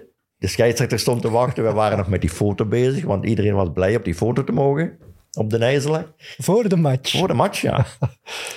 En eh, Dus dat is een mentaal, Ja, en mentaal mee- dat- dat- spelletje. dat was ook Emé. Hè. Hij betrok iedereen bij het succes. Maar hij was gewoon al wat zat. Nee, nee, zo erg was het niet. Nee, maar eh, ja, Maar even over die finale. 4-0. ja. En ik heb dat opgezocht. Allee, dat, was, dat was geen zwak Bruggen of zo. Hè. Nee, Dat was nee, het nee. eh, goede Bruggen. Hè. Nee, en alles lukte voor ons. En eh, ja, met onze drie, vier spelers die normaal niet speelden, ja, spelen we daar. Ja. Je was top die dag. En dan krijg je dat resultaat waar het ook nog een beetje meevalt. Hè. De goal van Goed Jansson eh, herinner ik mij en zo. Ja, dat was ook een gigantisch feest. Hè, toen we terug in Genk kwamen, alles was blauw-wit. De straten, eh, al in Houttalen begon het al. eh, een kilometer of vijf, zes voordat we Genk in kwamen. Een volksfeest. Ja, Was dat een... Racing Genk is er, bestaat er, is Ja. populair. ja. Want ja, zo'n eerste prijs, iedereen eindelijk blauw-wit. Ik vind dat iets dat bij Genk hoort. Precies, altijd zo de, de verrassing toch nog altijd als ze kampioen wordt. Terwijl nu is het een topploeg, maar het blijft er nog altijd... ja, Oh, wat gebeurt hier? We zijn ineens kampioen geworden. ja. Snap je wat ik bedoel? Het is Ja, geen dus dat is- traditionele topploeg of zo. Het is geen ja, en dat zijn ze eigenlijk keihard wel. Ja. Als je ziet de We hebben een paar keer in de beker gehad. Ook nog eens daarna Voilà. met Boskamp, waar we zelf over eh, spreken. Hè, waar we ook eh, weinig kans hadden, maar ook 4-0. hè. We waren een heel slecht seizoen bezig. Ja, oké. Voor even mee. Dus het jaar daarna, Europees voetbal. Ja, waren jullie trouwens daarover... Waren jullie niet bang dat, dat, dat ze veel spelers gingen komen weghalen? Ja, natuurlijk. de eerste stap zo naar hoger. En vaak is het dan dat een ploeg veel sterspelers verliest. Succes is dikwijls het begin van het einde, maar eh, toen konden we toch redelijk wat bij elkaar houden. Eh, ik denk dat eh Jackie Peters wel vertrokken is toen, naar Bielefeld. Ja. Maar ja, we hadden nog een goede ploeg op de been en dan het jaar daarna Europees voetbal. En ik herinner me de eerste match op de Fareur. We hadden al een, een vervanger voor Stroebar. Keita. En Emme zei, Pierre, ze willen Stroepa verhuren. Ja, maar ik zeg, Emme, laat die nog even hier, hè, tot nieuwjaar. Hè. Eh, ik zie dat die op training eh, geweldig, die shot ze van alle kanten binnen. ik zeg, wacht nog een paar maanden, dan kunnen we hem nog verhuren. En gelukkig was dat een goede beslissing, want eh, vanaf dat moment begon Stroepa aan de lopende band te scoren. Hij werd de publiekslieveling, later winnaar Gouden Schoen. En Maar daarna... dat, was, dat was dan wel door u eigenlijk dat hij gebleven Ja, is. ik, ik, eh, ze hadden al een vervanger. Maar ik had iets, ik trainde dikwijls met Stroeper apart. We bleven een kwartiertje langer met wat ballen, met een keeper. En eh, ik zag dat die ongelooflijke... Je voelde niets. eh, ja, eh, ik je voelde dat gewoon. Ik hem, zeg, eh, mee, laat die tot nieuwjaar hier en dan kunnen we hem nog verkopen of verhuren. En het heeft helemaal gekeerd. Stroeper werd Ja, de man. onvoorstelbaar. Want in het begin kregen we veel kritiek van... Ja, Genk heeft een houten Klaas. eh, maar eh, hij was geweldig bij het publiek. binnen. Hij werd Ja. zelfs international. Allee, hij heeft eh, had toch alles aan Racing Genk te danken gehad, Ja. Stroepar. Ja, Ja, voelde, hij, voelde die zich echt Belg eigenlijk? Want er Ja, was veel te doen rond zijn nationalisering en Ja. de, zijn selectie voor de ja nationale hij, ploeg. maar- om ook, hij werd aanvaard door de supporters. Ook door zijn manier van eh, omgaan met supporters. Hè, met zijn eh, Nederlands spreken. Dat had iets. Ik ben gelukkig. Ja, Dat zei hij toch altijd? Ik ben hier gelukkig. Dat hem. Ja, Ah, dat weet hij heel vaak, hè? ja, ja. En eh, Want dat Ja. charmant figuur. Ja. Toch? Die kwam, allee, in die media kwam die toch heel aimabel over. ja, ja. En, was wel een eh, knuffel, die eh, beest. hij was zelfs geliefd ook bij andere clubs. Zo, eh, echt waar. Ik dacht bij de vrouwen dat je ging zeggen. Dat ook. Had succes bij de vrouwen. Ja, Eh, had hij succes was, bij de was vrouwen, echt ja. een goede speler. Ik vond En dan het duo met Oelaren. Hè. We hebben altijd goede spitse duo's gehad. Later nog. Ja, voor de, duo's gaan we, gaan we het Ja. zelfs Ja. zeker nog hebben, maar de beker winnen in die tijd, dat wil zeggen, Europees voetbal, de beker der bekerwinnaars. Ja, Mooie trofee, vind ik. Ja, jammer dat die eh, verdwenen is. Nee? Zet je bij mij aan het, aan het lachen nu? Nee? Ah ja, Hoe dat? tuurlijk. Ja, KV Mechelen, hè, 1988. Ah, nee, nee. Beker der bekerwinnaars. Ja. Dat is de mooiste beker die er is. ja. En dan later eh, Europees, gelijk gezegd. En eh, we gingen in Duisburg. Ik denk dat we 1-1 spelen. En, en mee wordt daar geschorst voor een match. Ja, had daar iets eh, ook met die vierde man, eh Harry. En, dus, en de terugmatch op Den IJssel. En we moesten altijd uitwijken. Ze waren aan ons stadion aan het werk in Genk. We moesten voor de Europese matchen uitwijken. Duisburg, later Mallorca. En daar hebben we een, een gigantisch fantastische match gespeeld. tegen een Bundesliga-club, 5-0. En eh, dat was een feest op een IJssel. Ook weer alles blauw-wit. En daarmee we hadden de hele week getraind met oortjes. Dus ik deed de coaching in de dugout. En daarmee zat op de eerste rij achter de Sintelbaan.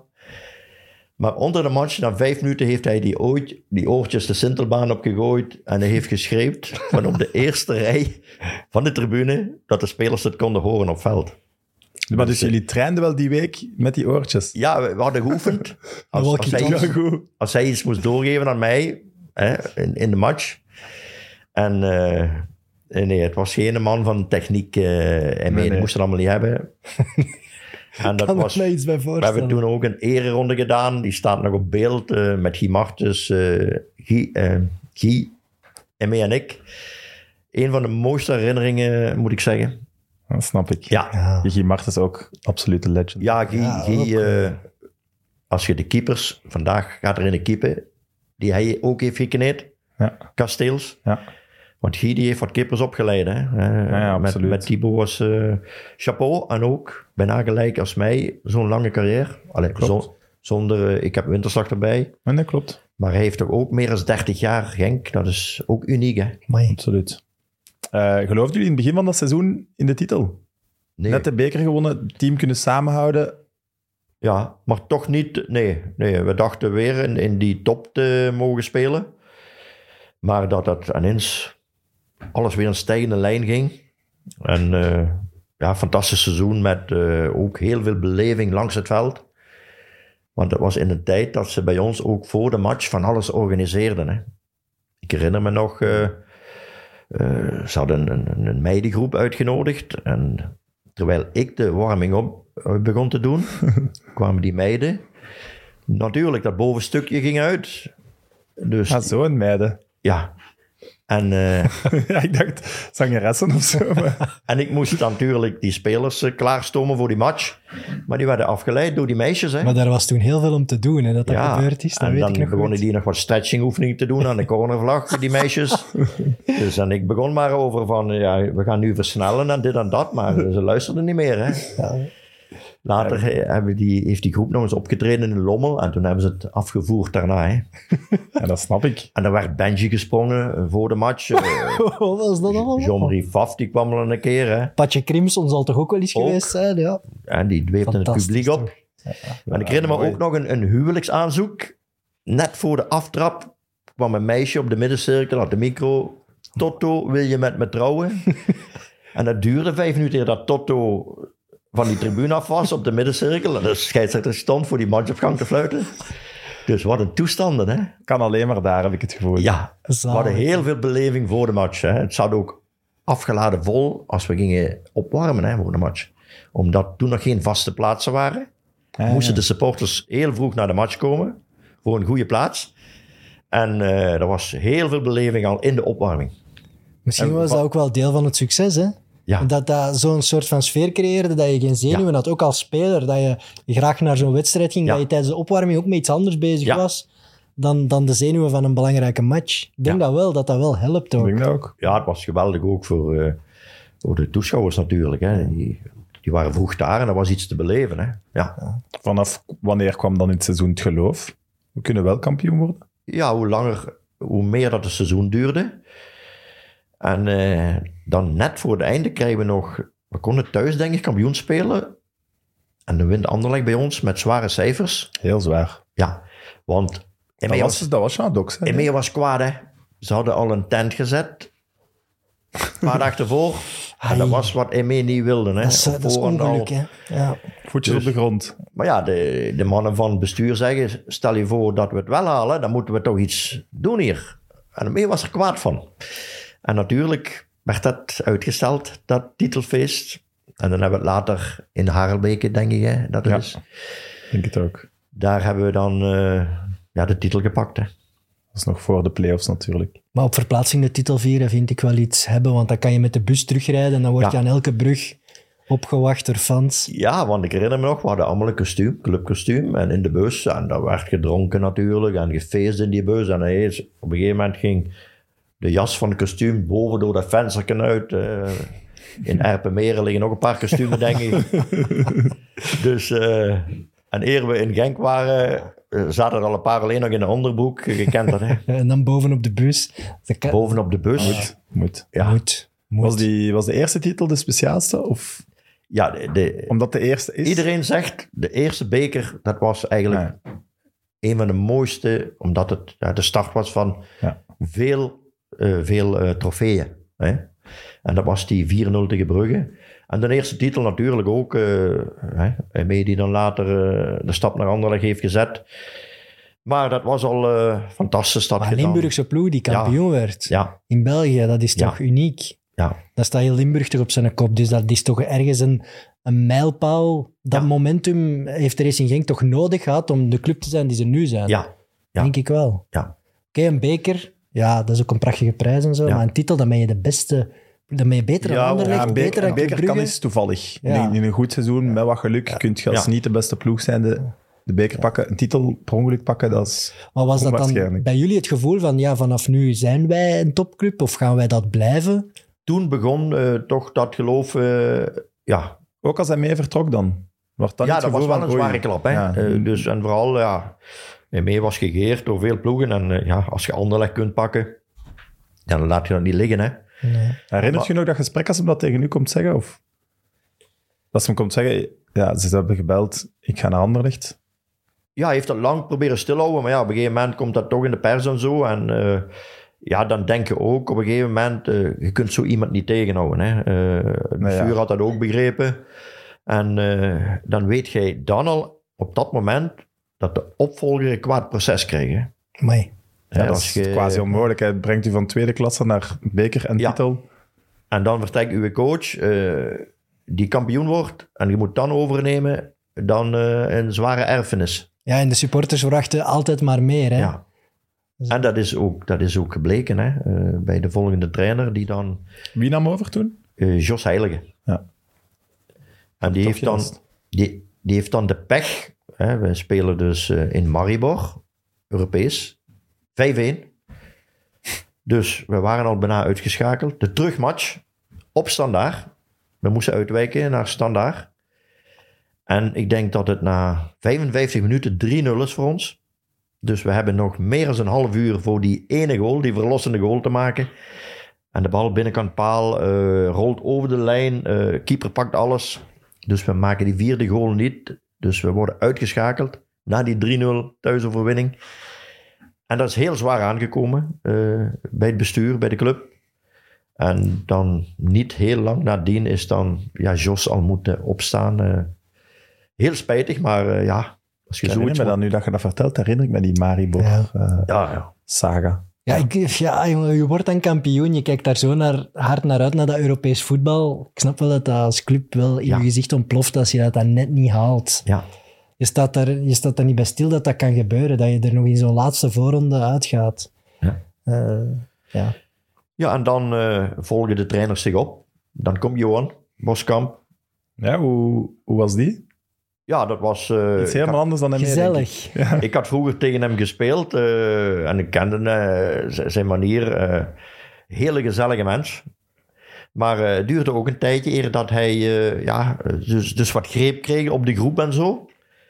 En eh, nu, ik moet zeggen, Wel weer een bekeroverwinning. ja, dus eh daar komen ook wat goede spelers. Hè. Jan Moons is ondertussen bij ons. eh, Wesley Sonk. Dus eh, we hebben daar toch ook een, een, een goede elftal. En eh, ja, hij haalt toch de beker. Waar we ook weer niet begonnen als eh, favoriet. En weer allee, redelijk gemakkelijk de finale Ja. winnen. Om een hele 4-1 warme zondag namiddag. eh 1-0 achter. Tegen Standaard. Ja. En dan maken we vrij snel 1-1. Dronk Johan ook op de bus richting de finale? Of die deed dat niet? Ja? Nee. En, en dus die match winnen we met 4-1. weer een gigantisch feest, supporters. En eh, Johan zegt tegen mij, Pierke, ik denk dat ik naar huis ga. Ik zeg, Johan, bij je, in Genk staan 10.000 mensen te wachten op ons. Hè? Nee, nee, ik doe niet mee aan dat gekke doe.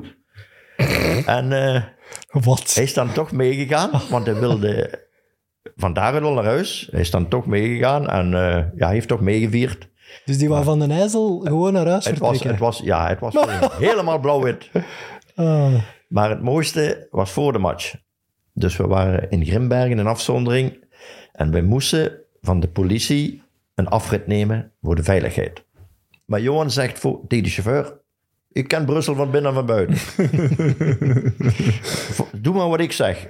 Hier links, hier rechts. En eens kwamen wij in het dorp van Standaard. Dus ze hadden Vendorp. Ah, Dus een mensenzee, rood-wit. Met die En we bus. stonden met de bus op een gegeven moment stil. We zagen ze van ver. Dus die chauffeur heeft daar een geweldig groot risico genomen. Die heeft dan tegen 50, 60 per uur is die doorgereden. Ze hebben met bier gegooid, met plastieke bekers tegen de bus. De spelers schrik. Sommigen lagen eh, onder de zetel. ja. En, en hij moest zijn ruitenwissers opzetten voor het bier. Het was echt zeer gevaarlijk dat er geen supporters voor die bus sprongen. Eh, Gelukkig was het nog geen bus gelijk we nu hebben, met de benamingen op en doen. Maar ze hadden ons toch herkend. Johan wist een kortere weg. Wij hebben het wel een serieus... eh, van Nou, de politie... eh, Heeft, heeft Zou het hij- expres zijn geweest? Heeft hij het bewust gedaan? ja, de politie stond te wachten aan een andere op, oprit. En wij deden dan... Johan wilde goed doen. Maar het was dus niet bewust om misschien de spelers even Nee, zo te triggeren. Nee, nee, het was echt nee, nee, dat was echt... Oké. Ik denk dat Johan ook niet geweten dat daar een Vendorp was. maar eh, ja, de chauffeur volgde het. eh, Ongelooflijk. Maar kan dan- toch alleen maar met Boskamp eigenlijk. Ik zie, hem Ja. daar, ik zie hem daar al in die bus. Nee, nee, nee. Maar Ik, ken hij- Brussel. Dat Ja. hij dan een beker wint en dat hij gewoon zegt, ja, ik woon hier vlakbij, ik ga gewoon naar huis. Laat dat Ik zeg, laat dat ja. feesten, maar zo. Dat Daarvoor doe- het toch voor dat feest. Ja, dat gekke doen moet ik niet hebben, zeg. maar Johan was een geweldige mens. Eh, ja, Maar paste hij bij, de, bij het Limburgse... ja, en ook eh, andere... had de pech. Dat jaar is Gené, zijn vrouw, ja. hevig ziek geworden. Is dan ook eh, jammer genoeg in de periode dat Johan bij ons was overleden. En eh, ik herinner me nog dat we een match, ik denk op Sherminal Ekeren of zo hadden, dat hem aan de rust is naar huis gegaan. Dus dat hij ook eh, niet meer 100% met de match kon bezig zijn door de omstandigheden van zijn vrouw. En hij zei, Pierre, ik ga aan de rust, ik moet vertrekken. Eh, doe jij de match uit? Ja, dat Maar ja, was eh, heel... eh, iedereen begrip voor, denk ik. moeilijke momenten en daar had iedereen begrip voor, eh, ook achteraf het bestuur en zo. Want we waren al blij dat hem toch die match aan had gevat. Maar eh, En er zijn nog altijd belangrijkere dingen ja, natuurlijk. ja, Zeker. Het is ook een prijs die, die ik eigenlijk vergeten ben in, in Boskamp zijn carrière. Ik denk niet aan Racing Genk als ik aan hem denk. Ja, je denkt aan Anderlecht en, eh, Ja. En Anderlecht. en ik wou nog iets zeggen, maar En nog iets dat dat alleen Anderlecht zal zijn. Nee, dat is zo'n prijs die ik vergeten was, die beker. Dus ja, nee, een geweldig, eh, fantastische mens Ja. met een goed hart. Ja. Waarom is het eigenlijk het huwelijk uiteen gegaan, Genk en Boskamp? ja, waar is het... eh, op, een, op een gegeven moment is de samenwerking gestopt en eh, daar weet ik iets, iets minder van, moet ik zeggen. Oké. Ja. Ja, Maar je werkte wel graag met hem samen. Toen heb ik ook overgenomen. En Hm. toen heb ik ook een, een bekerfinaal eh, eh, laten liggen. Ik was coach. We, we loten de halve finale tegen Lommel. oeh, derby. In Lommel verliezen we 2-1. Dus thuis 23.000 toeschouwers. Tweede klas Lommel. We zetten het misschien recht. Hè? Wesley Sonk eh, geschorst denk ik voor de terugmatch. Na vier minuten krijgt Soran Ban rode kaart. Dus we staan na vier minuten met 10. We moeten nog 90 minuten met 10. Dan hebben we tenslotte, het werd 1-0-1 met Tankari. Dan maakt eh, iemand van ons, ik denk Koen daar, de 1-1. Belegering, maar die goal wil niet vallen. En uitgeschakeld was een enorme domper. Voor mij ook. Anders was ik toen al eens op de Heizel geweest. Klopt. En eh, daar hebben we de bekerfinale eh, gemist, ja. Maar Lommel gaat dan als tweede klasse naar de bekerfinale. Ja, Pakken ze die dan? Of? Nee, Westerlo wint. Ah, dat is Finale. die finale natuurlijk. Ja, en dat was... eh, en toen komt dan eh Sef Vergoosen. Pak over van mij eh, terug. Dan wordt er wel aan een nieuwe kampioenenploeg gebouwd. Hè, met Ja. eh, Dus Sef eh, zet daar da- dadelijk een staf, meer, een staf neer. eh, ja, complementaire staf ook. was wel een goede coach. Hè? Ja, Eh, die, die, die had echt die, dat was echt al een dat wel een verrassende coach. aanstelling. hij werkte... Ja, eh, Dat was vernieuwend. Ja. Eh, toen Sef kwam, vernieuwend in de staf. Hij werkte met een voedingsdeskundige. Die advies gaf aan de vrouwen van de spelers hoe ze moesten maaltijden maken. Eh, een mental coach. Eh, de medische staf werd nog versterkt. Dus eh, hij wilde ook een extra assistent. En die heeft dan eh, ook met Jos Daarde een extra assistent eh, erbij gehaald. En Jullie Sef- accepteerden dat wel allemaal? ja, Sef's Oké. devies was, hoe kun je spelers beter maken met één of twee trainers? Hij zei, dat moet een staf zijn. Ik wil ook met linies werken, met de voorhoede apart, met de middenvelders. eh. Dus dat was Sef, dat was heel vernieuwend in het Belgisch voetbal. en ook iets meer wetenschappelijk. Heeft toen ook een heel complementair elftal gesmeed. Ja, ja. Eh, het duo waar we het straks over hadden, vroeger Stroepa Roulare, nu was dat Song Dagano. Mhm. Die gekend, gevreesd prachtig. werden in, in België. prachtig duo. Ja, echt. echt. iconisch. Ja. Gewoon ook. Ja. Dan had je daar eh, Bernd Thijs met Skokko, Skokko. het duo in de midden. Van achter Zokora. Dat was een goede ploeg. Hè. Als je die een- namen weer opnoemt, amai. Een, een geweldige as eh, hadden wij. Dan eh Brokhouser Jan Moons. eh, ja, Jan Moons. Ja. En het was een fantastisch jaar, hè. Hè, Wesley die eh, groeit, eh, die dan eh, topschutter wordt dat jaar volgens mij met een pakkende 30 goals. Ja. Ja, als je er zes tegen een klein ploegje kunt maken, Ja, dan is het gemakkelijk. Hè? ook een match die... daar nog- herinner ik me niks van, van die wedstrijd. Eh, vertel, eh, nee. Ja. nee, dat, dat, is een, zo- een, dat was een pijnlijk moment in mijn supportersbestaan van KV Mechelen. Dus ik, Voor de mensen die het niet weten, Sonk heeft zes goals in één wedstrijd tegen. het werd, Ja. het werd 9-0. Racing geen KV Mechelen. KV Mechelen eh, was op weg naar een faillissement. En eh, de spelers werden al maanden niet meer betaald. En we moesten naar Racing Genk, dat toen echt draaide gelijk zot. Alleen we wisten dat we daar niet gingen winnen. Maar en ik toch trots dat ik eh, mee mocht met mijn schoonbroer. Dus ik oh, naar, voor de eerste keer in het stadion van Racing Genk, wat toen veel groter was dan van KV Mechelen, keek daar echt naar uit. en ik dacht, allee, die mannen gaan toch gemotiveerd zijn. Ik stond er zo nog niet bij stil als mensen niet betaald werden, dat ze misschien iets minder gemotiveerd waren. Dus ik keek daar echt naar uit en bam, bam, bam. Echt, dat was niet normaal. 9-0, zes keer Sonk en, Zes keer zonk. en ja. drie keer Van den Berg. Drie keer Kevin Van den Berg. Ja? ja. Dat weet ik niet meer. ik heb alleen die zes van eh Wesley onthouden. En Maar elke- ja, zes- Kevin, Kevin kent het er ook wel van. Hè? En zes salto's, hè? zes keer zo'n flikvlak. Hè? Kun je zeggen dat je dat kot, kotsbeus uit alles godverdikke. Nee, dat was een Genk, ja. Dat was een fantastische ploeg, hè, want je noemt nu Skokko en zo op. Allee, dat was echt... Onderschatte speler, die Skokko. Ja, Zokora ook. Dat Ja, koren. een uitvoetballende verdediger, nog voordat dat iedereen er zo wild van was. Allee, Ja. Dat is echt niet normaal. Ja, dat was echt een goede ploeg. Was het Genk onder Vergozen het mooist voetballend? Genk? Ja, dat was toen echt ook topvoetbal eh, in die tijd. En eh, ja, gaat er ook goede flanken. Hè? Eh, Koen Daarde, want dat jaar, de trainer van het jaar was Sef, topschutter Wesley. De beste jongere was Koen. We hadden al de individuele prijzen. Hè? En Wesley is toen uitgegroeid tot de spits. Hè? En ja, ik herinner me nog ook, anekdote, Wesley was een winnaar. Hè? Op een gegeven moment had Sef gezegd: We hadden vrijdagmatch. Jullie moeten na de match uw fitnessprogramma afwerken en dan krijgen jullie de zaterdag vrij. Maar die match eindigde op 1-1 en Wesley als een stier naar binnen. Hè. We hadden niet gewonnen. Hè. De douche onder, clubkostuum aan, want dat was verplicht toen. Das aan, andere spelers gingen al de fitness in voor een programma af te werken hebben we Wesley moeten overhalen van toch ook het programma af te werken. Dat ze dan zanderdaags een vrije dag hadden. En Wesley heeft zijn programma afgewerkt in kostuum, clubkostuum, op de mat, met zijn das. Dat was ook de echte Wesley, hè. Ja. Hij, is Winnaar, niet, hè? is niet veel veranderd, denk En een winnaar, hè. En ook, eh, ik herinner me ook nog een, een affaire. We spelen 4 tegen 4 op training. En het ging hem niet goed. En hij shot die bal de bossen, hè. En Sef, die deed alles op een rustige manier. Wesley, na de training even blijven met mij. 20 ballen halen we hier erbij. Spelers gaan naar binnen. Die zakken waar de ballen in zaten, mee binnen. Dus, en Sef heeft met Wesley nog even gewerkt, afgewerkt, 20 minuten.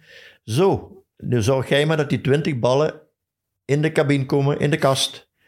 En Wesley heeft die ballen eerst van het trainingsveld naar het stadion getrapt, alle 20. Dan van het stadion naar de dugout, naar de ingang van de kleedkamer. In zijn eentje heeft hij die 20 ballen zo opgeruimd. Dat was ook Sef, hè, op een gewone, rustige manier. Sef, dat kan niet wat je doet, bal de, eh, de bossen.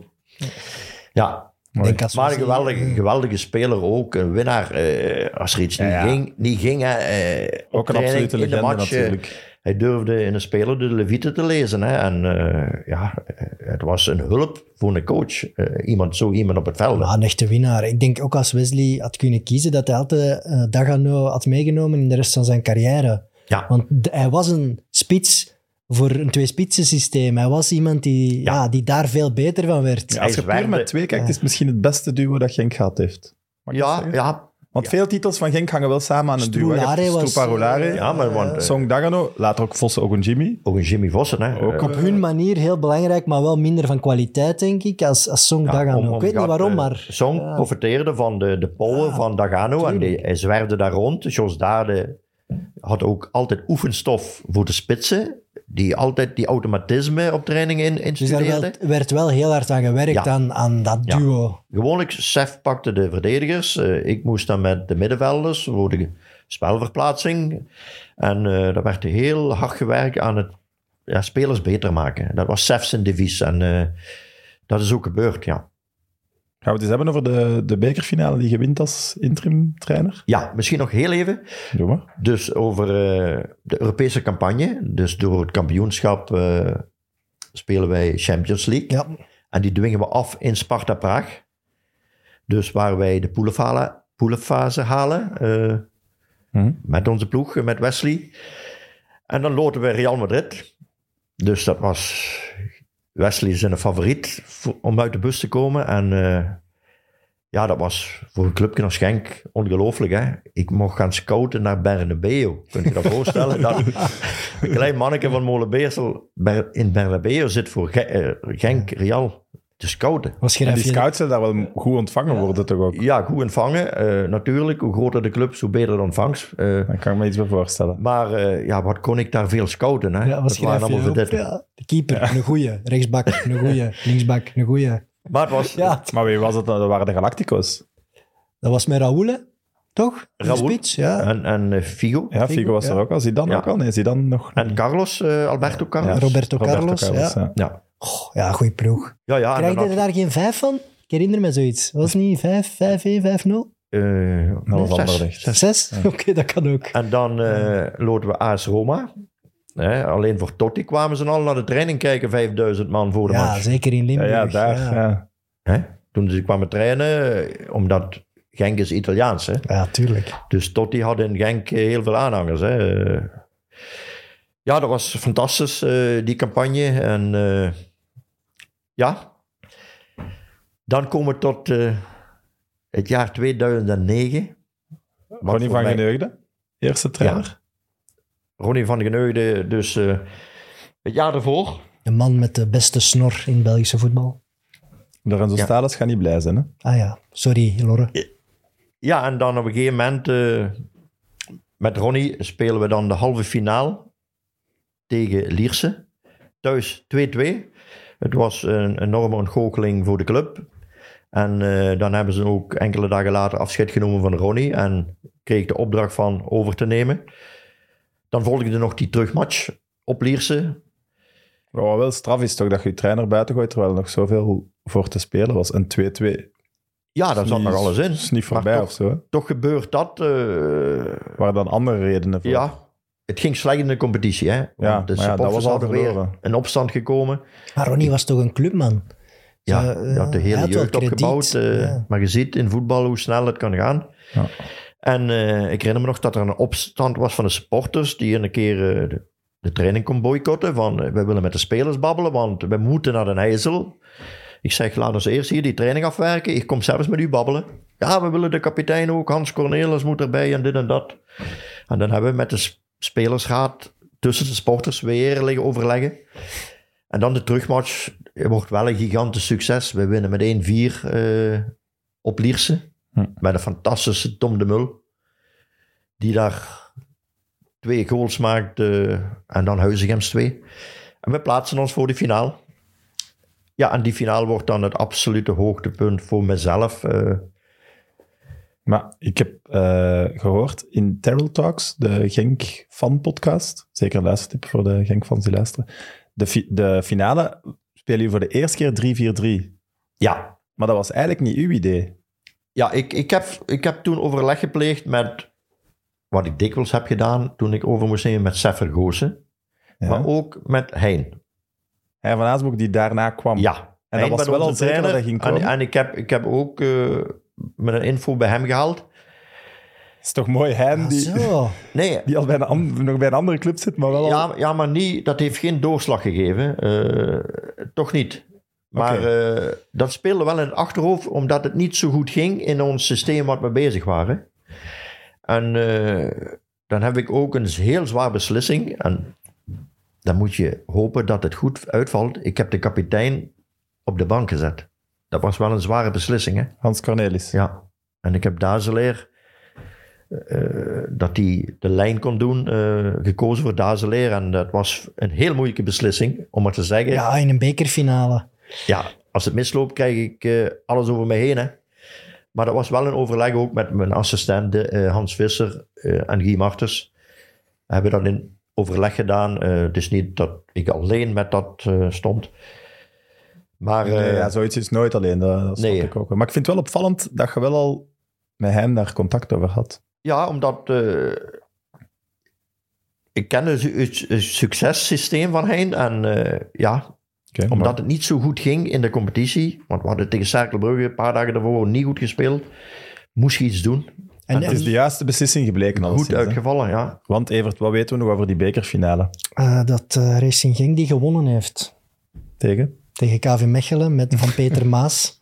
En dat wij, ik denk na 20 minuten, eh, een dom balverlies van Mellemans. En eh, die, die pakt ook een Jimmy, die trekt hem neer, rode kaart.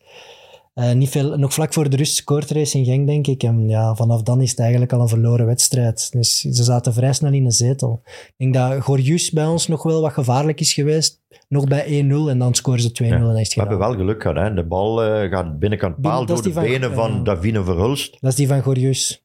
Ja, Ja, dat was toen onze sterspeler. Ja, wij hadden toen een heel leuke ploeg. hè. We waren toen opgekomen terug van derde klasse naar eerste. We hadden echt wel een leuke ploeg. De schwung zat erin.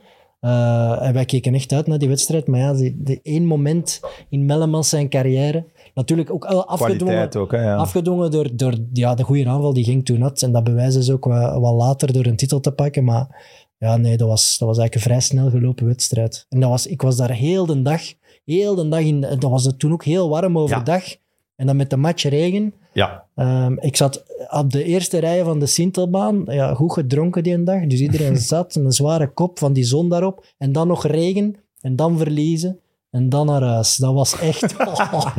Ik was zo hyped. Ik had toen de naam van Nana Azare, toen onze sterspeler, in mijn haar Ja, ja. geschoren. Ik had dat in mijn haar geschoren. Heel mijn gezicht rood en geel geschilderd. en dan Pierre de Nier tegengekomen en weg Beker. Ik snap dat, dat, dat moet... Ja, voor u, dat was de Ja, ja, dat zijn legendarische beelden ook. Ongelooflijk moment. eh, het mooiste fluitsignaal wat ik ooit gehoord heb toen hem afvloot. Ja, maar je ziet wel hoeveel druk en dingen er van u afvalt bij Ja. dat fluitsignaal. Die Ja, beelden ik had zijn... eh, wel wat kilo's kwijt door de stress hè, en een kilo of zes. En eh, ik weet nog dat mijn vrouw was mee met de supportersbus van mijn dorp. En die heeft de wedstrijd aan de overkant, achter de draad, met de verrekijker, mijn 90 minuten in doorgehouden. Die was bang dat ik eh, een hartaanval ging krijgen. Ja, die heeft van de match de goals niet gezien, maar... Oké, dan waart je misschien toch niet geschikt voor het T1-schap. Ik volg het. Nee. daar zoveel stress. Ja, maar ja, een beker, ik begrijp het. En het seizoen zat ook wat tegen, dus die finale werd alleen maar belangrijker. Ja. Die moest gewonnen worden. ja. Maar da- daar draaide ook de film. Ik was vroeger met de school Atomium bekijken. Hè, en, en die negen bolletjes. En de meester gaf een uitleg. over dat, maar ik had altijd maar die hijzel in de ogen. Hè. En je zegt, daar worden de bekerfinales gespeeld. Hè. En dan sta je later met die beker, stadion vol, Ja. sta je daar te pronken. En dat was het absolute mooiste moment natuurlijk. Hè. Ja, begrijp ik. Ook, begrijp ja, ik ook. Op dat moment ben je, ben je ook al een clubicoon. Ik denk dat dat voor de fans ook geweld, allee, geweldig moet geweest zijn. Dat ze die Ja, beker met u als trainer hebben af, gepakt. Ja, dan Ja. maakten ze alles af, alles nog Ja. mooier. Ook mijn ploeg met wel ja, jonkies, allee, gasten die je zelf had opgeleid, zelf had gebracht. Ja. Er zat wel al iets in die ploeg ook. Dat vind ik wel schoon. Ja, ja, en dan eh, was ik weer blij dat ik het kan overgeven aan Heine. Ja, Die dacht, ja, lap, ja Heine, ja, en na een bekerwinst. Die hem eigenlijk zo wat mee georchestreerd had. hij kon hem niet claimen, maar hij moest wel nog beter doen dan de bekerwinst. En dan zie je ook hoe moeilijk dat het is en dat sommige trainers ja, bij de ene club succes hebben, bij de andere straf, niet. ja. Het mooiste voorbeeld is Hein, Ja. die bij ons eh, misschien ook te weinig tijd heeft gekregen, toptrainer. Eh, dat merkten we toen aan alles. Maar je hebt dat van binnenuit dan gezien, is toch gek? Iedereen wou hij. Dat was zo... Ja, dat, Dat was, was de nieuwe man en die had met dat man, ja. iets nieuw gevonden. Heel aanvallend voetbal. En dan lukte, ja, het lukte niet. is toch Ja. raar? Ja, Want er was wel kwaliteit. ja. Maar wou wij niet te snel te veel veranderen voor Ja. bij, bij een topploeg? Misschien, misschien. En, en toen hadden ze het, ja, als de resultaten wegblijven, dan, dan gaan ze terugvallen. Eh, is het systeem goed? Is dit goed? Hij had ook die Baks... De Google, de Iets van, Google iets van Spits. Baks. Ja. Ja, Ja, had hem meegebracht van Kortrijk. eh, ja. dat was ook niet het grootste succes Ja. toen, maar... Op een gegeven moment... Dat eh, werd door de pers uitvergroot, hè? de Ja, Google. Spits. Ja. En hij neemt die dan mee en die valt dan op dat niveau. Wat kan Ja. gebeuren voor iemand die eigenlijk uit de Hollandse lagere reeksen Ja. kwam? Maar dat zijn, de- dat zijn een beetje de onverklaarbare dingen in het voetbal. Hè. Vroeger, Frankie Dury is ook even naar Gent gegaan. Hè. Hm? Ja. Dat pakte ook niet. Hè. Dus ik bedoel maar, eh, je wist dat hij vroeg of laat eh, resultaten ging neerzetten bij een topclub. Dat voelde je toen ook. Maar ja, de, dikwijls is er geen tijd. Je Ja, en dan, en dan komen we tot Frank Verkouteren. De tegenpool van Hein, denk ik, in de manier van omgaan. Hè? Is hij niet heel flamboyant, heel luid en Frank beredeneerd en strenger? Ja, en- ja dat, ieder heeft zijn stijl natuurlijk, eh, zijn karaktertrekken. Zat daartussen trouwens niet nog Broos? Of was Broos na Verkouteren? Nee? Broos was nog voor Nee, Verkouteren. nee, Broos, eh, daar moeten we ook even op terugkomen. Eh, Hugo Broos is gekomen na René van der Rijken. Oké. 44 trainers. Hè? Ja, ja. Ja, maar ja, het zijn er veel. inderdaad. Dus René van der zitten nog Rijken, maar aan 12, denk ik. René van der Rijken, ja, daar kan ik ook nog iets van vertellen. Eh, we waren allebei tweede geëindigd, Standaard en wij.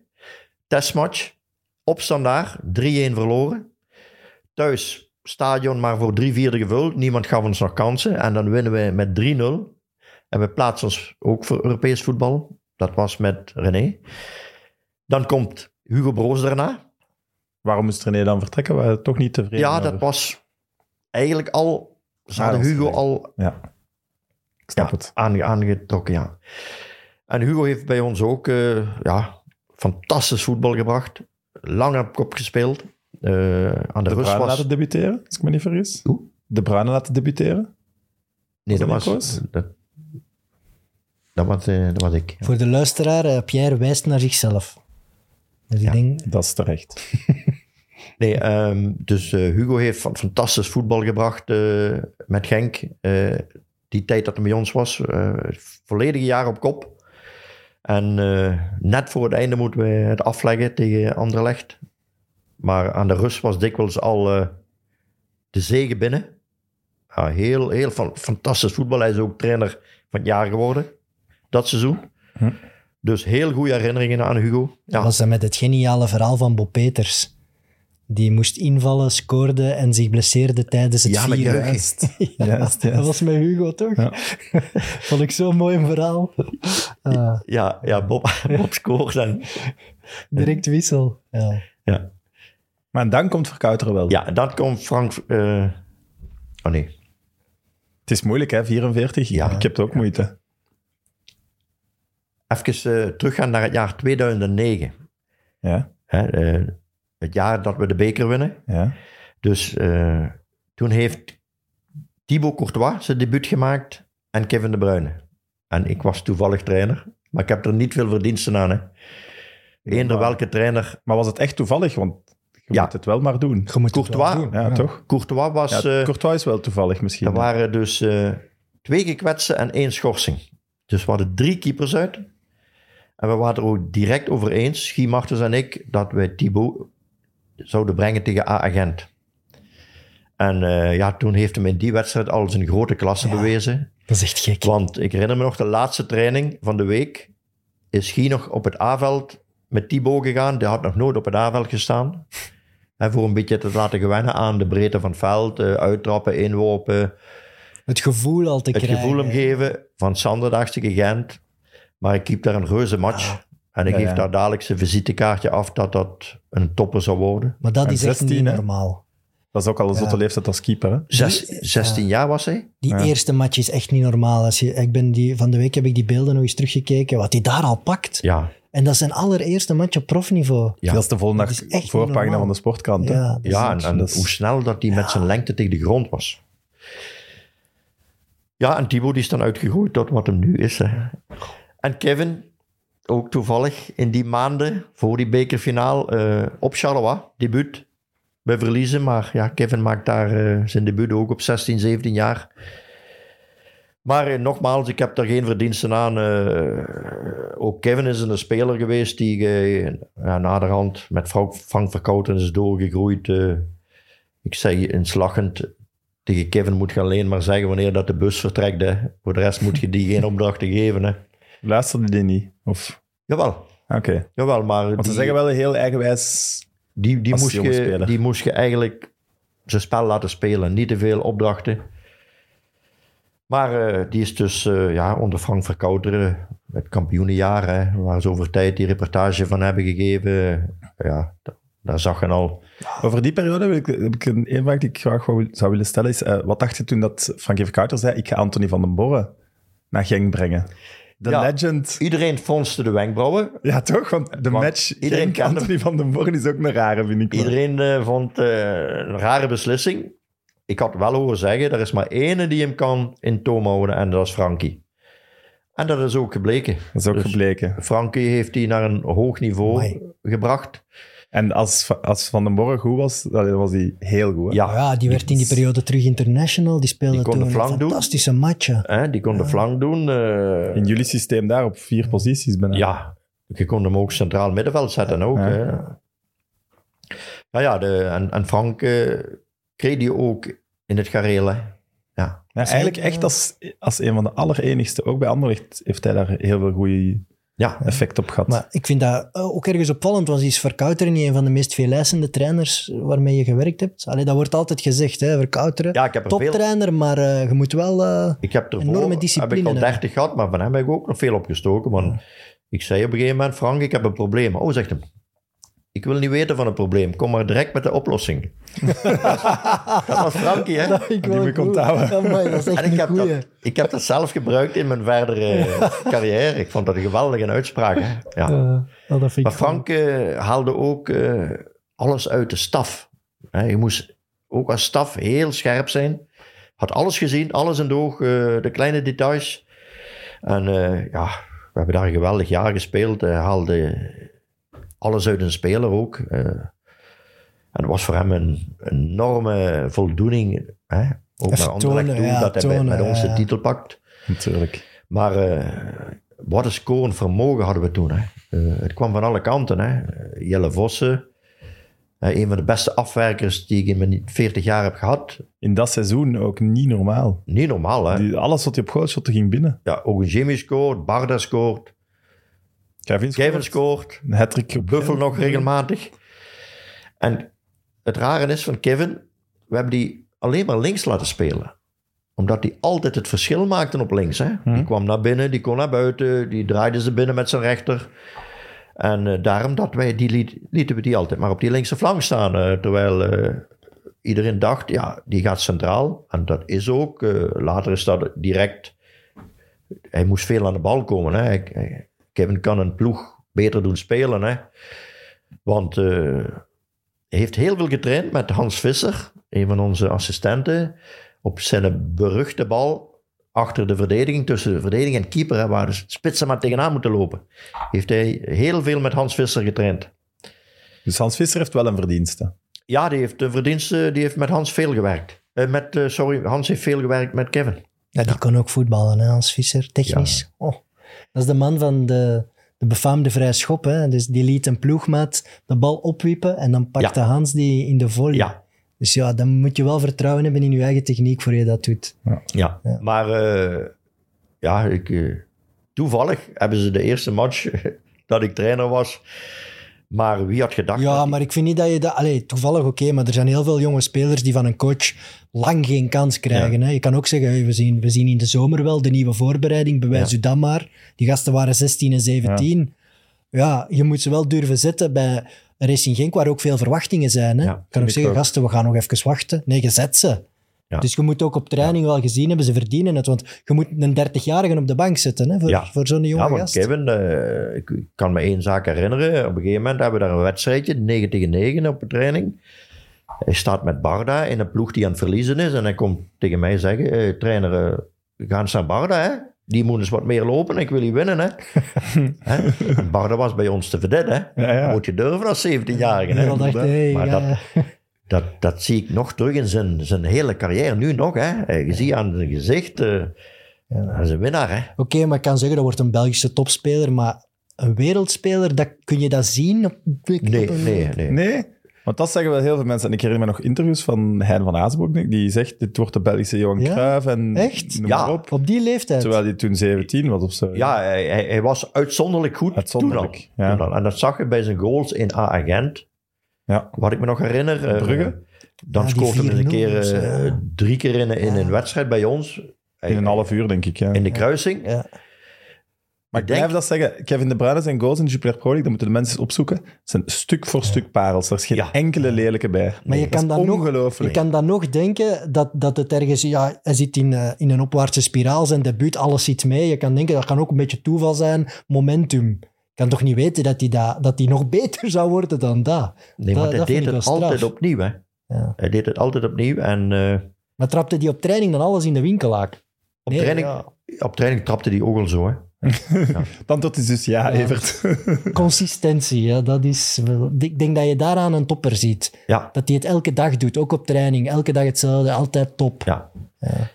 Maar eh, ja, eh, Is er iemand die zo op training supertalent was, waar dat je meer carrière van verwacht had dan dat er is uitgekomen? ja, je hebt dikwijls van die spelers, maar de, de- dat is niet zo direct eh, wat met de binnen valt. En het omgekeerde? Maar we hebben ook spelers gehad eh, die, die eh, bij ons niet zijn doorgebroken en die dan in Nederland toppers worden. Ik denk Orlando Engelaar Oh ja. ja en. Theo Theo Jansen. Jansen, ja. Theo Ja. Jansen, ja. Ja, wie bij Ajax nog... eh, Ja, met Twente kampioen. Alle twee international geworden. Furoren Eh, gemaakt, hè. ja, alle twee naar een groot toernooi gegaan. Engelaar op een gegeven moment, eh, ik denk, werd je gezegd, van, dat moet de zes worden van Nederland zelf. Ja. eh, die kon voetballen en die voor zijn lengte. Ja. Ik vond dat een geniale speler om naar te kijken, maar inderdaad, bij Genk... Ja. Ja. Wat ik me nog van Kevin de, de Bruin herinner, we hebben eens, en ik moet, ik twijfel tussen Bruggen of Anderlecht. Hij heeft een keer Anderlecht of Brugge weggespeeld, Brugge, denk ik. dat ja. bij zijn applausvervanging, het stadion, Dat was Anderlecht, daar was ik. Ja. Eh, je geeft drie assists op Benteke, denk ik. Ja. Of twee assists Het een stadion- zo, ja.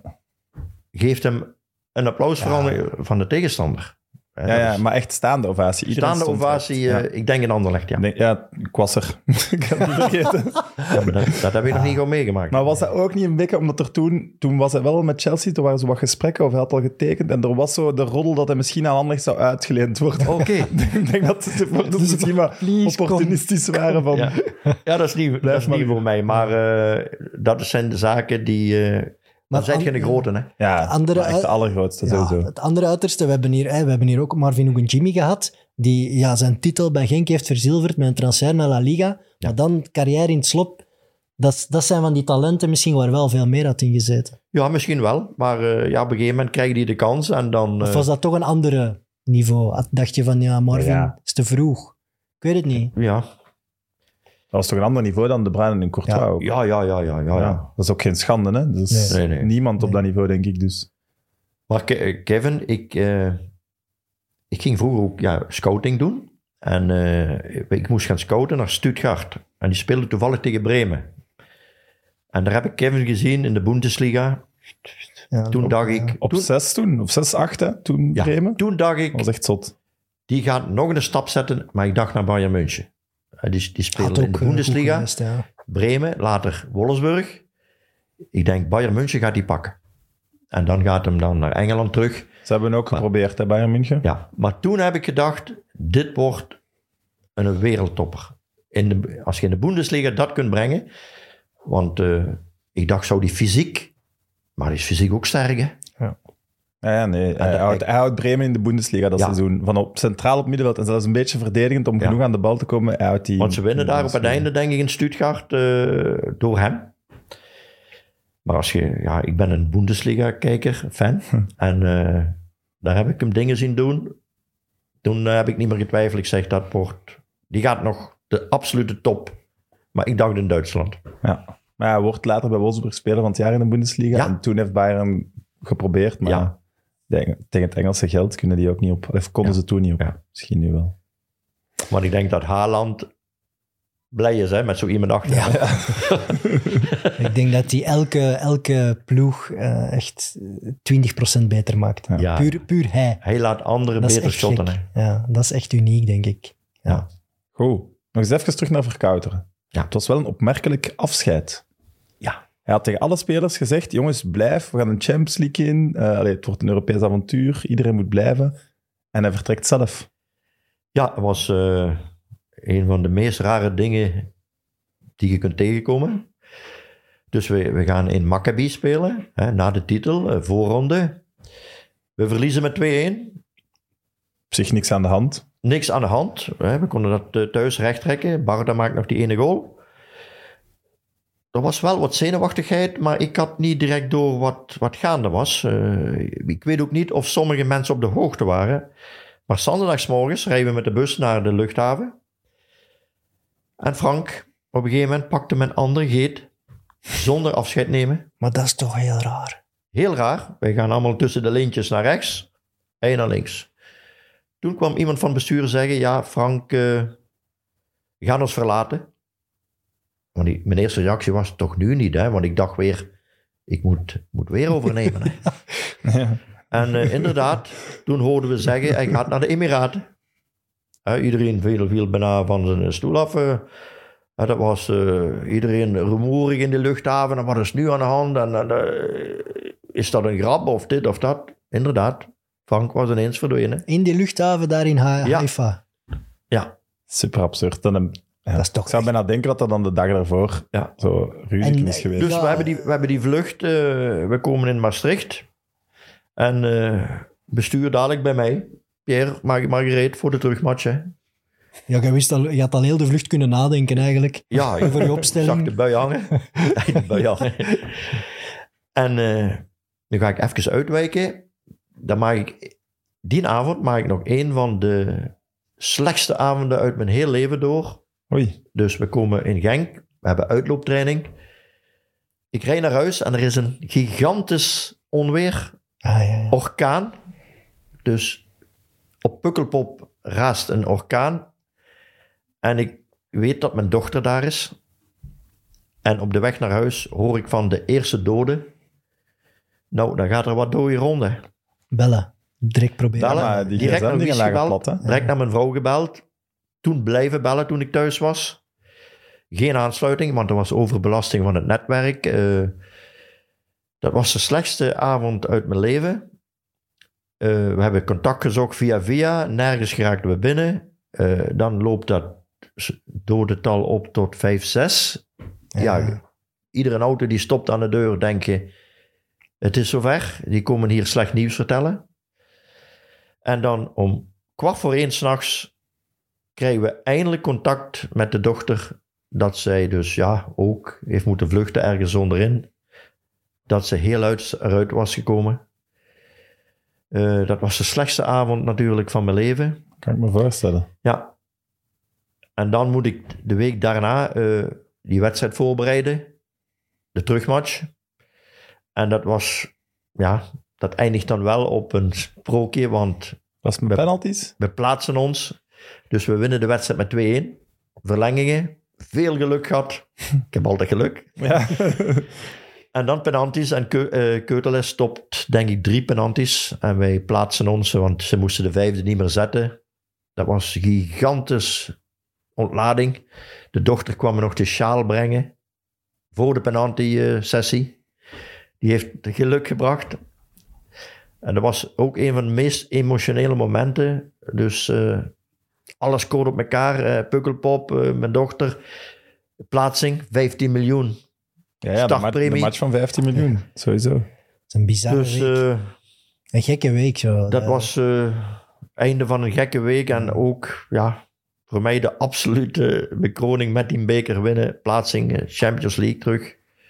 Mario Been kon starten in de Champions League als mijn opvolger. En Verkouteren nog gehoord? En Verkouter zat in de tribune op die match. Achter de goal. Hè? Ja, Bij de fans dan. is, is naar de terugmatch gekomen met zijn vrouw, Bizar. zijn toch? vriendin. Zat hem in de tribune, de match. En dan komen uitleggen, Pierre, dat is hoe het gegaan is. Daarom heb ik beslist om te gaan. Nee, wel achteraf. We hebben nog contact gezocht. Ja, Nee. Blijft een opmerkelijk verhaal, toch? Ja, Ja. het meest bizarre luchthavenverhaal in de voetballerij. Ja, want ook als spelers. De spelers moeten toch ook met veel vragen gezeten hebben. en die heeft ja, ja. aan die gate, allee, je moet door de paspoortcontrole en die zegt niks. Ja, Die zegt niet, ah, Pierre, ja, sorry. ja ik denk dat Frank... niet- allee, ik zou ook wel zeggen, hey, het is hier, man. Misschien, Ja, misschien, hey, kom misschien, eens heeft. Frank, misschien heeft Frank het tegen bepaalde mensen wel gezegd. Dat die, zich, dat die wisten, maar niks hebben gezegd. Eh, ja, dat is daar gebeurd. Ja. Maar overigens, los van alles, eh, toptrainer.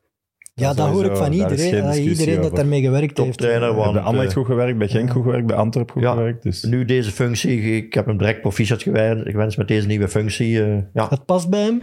Zo, technisch directeur En, zijn? eh, ik denk dat je daar als trainer ook een goeie aan hebt. Ja. Ja. Straks de comeback van Anthony van den Borre bij de Duivels. ah, ik dacht als trainer, jeugdtrainer. ja, dus misschien waarschijnlijker. Goed. Nee, en dan hebben we nog voor te eindigen misschien... eh, ja, dan hebben we nog een titel behaald met Philippe Clement. Die dus ook in de categorie van toptrainers komt. Hè.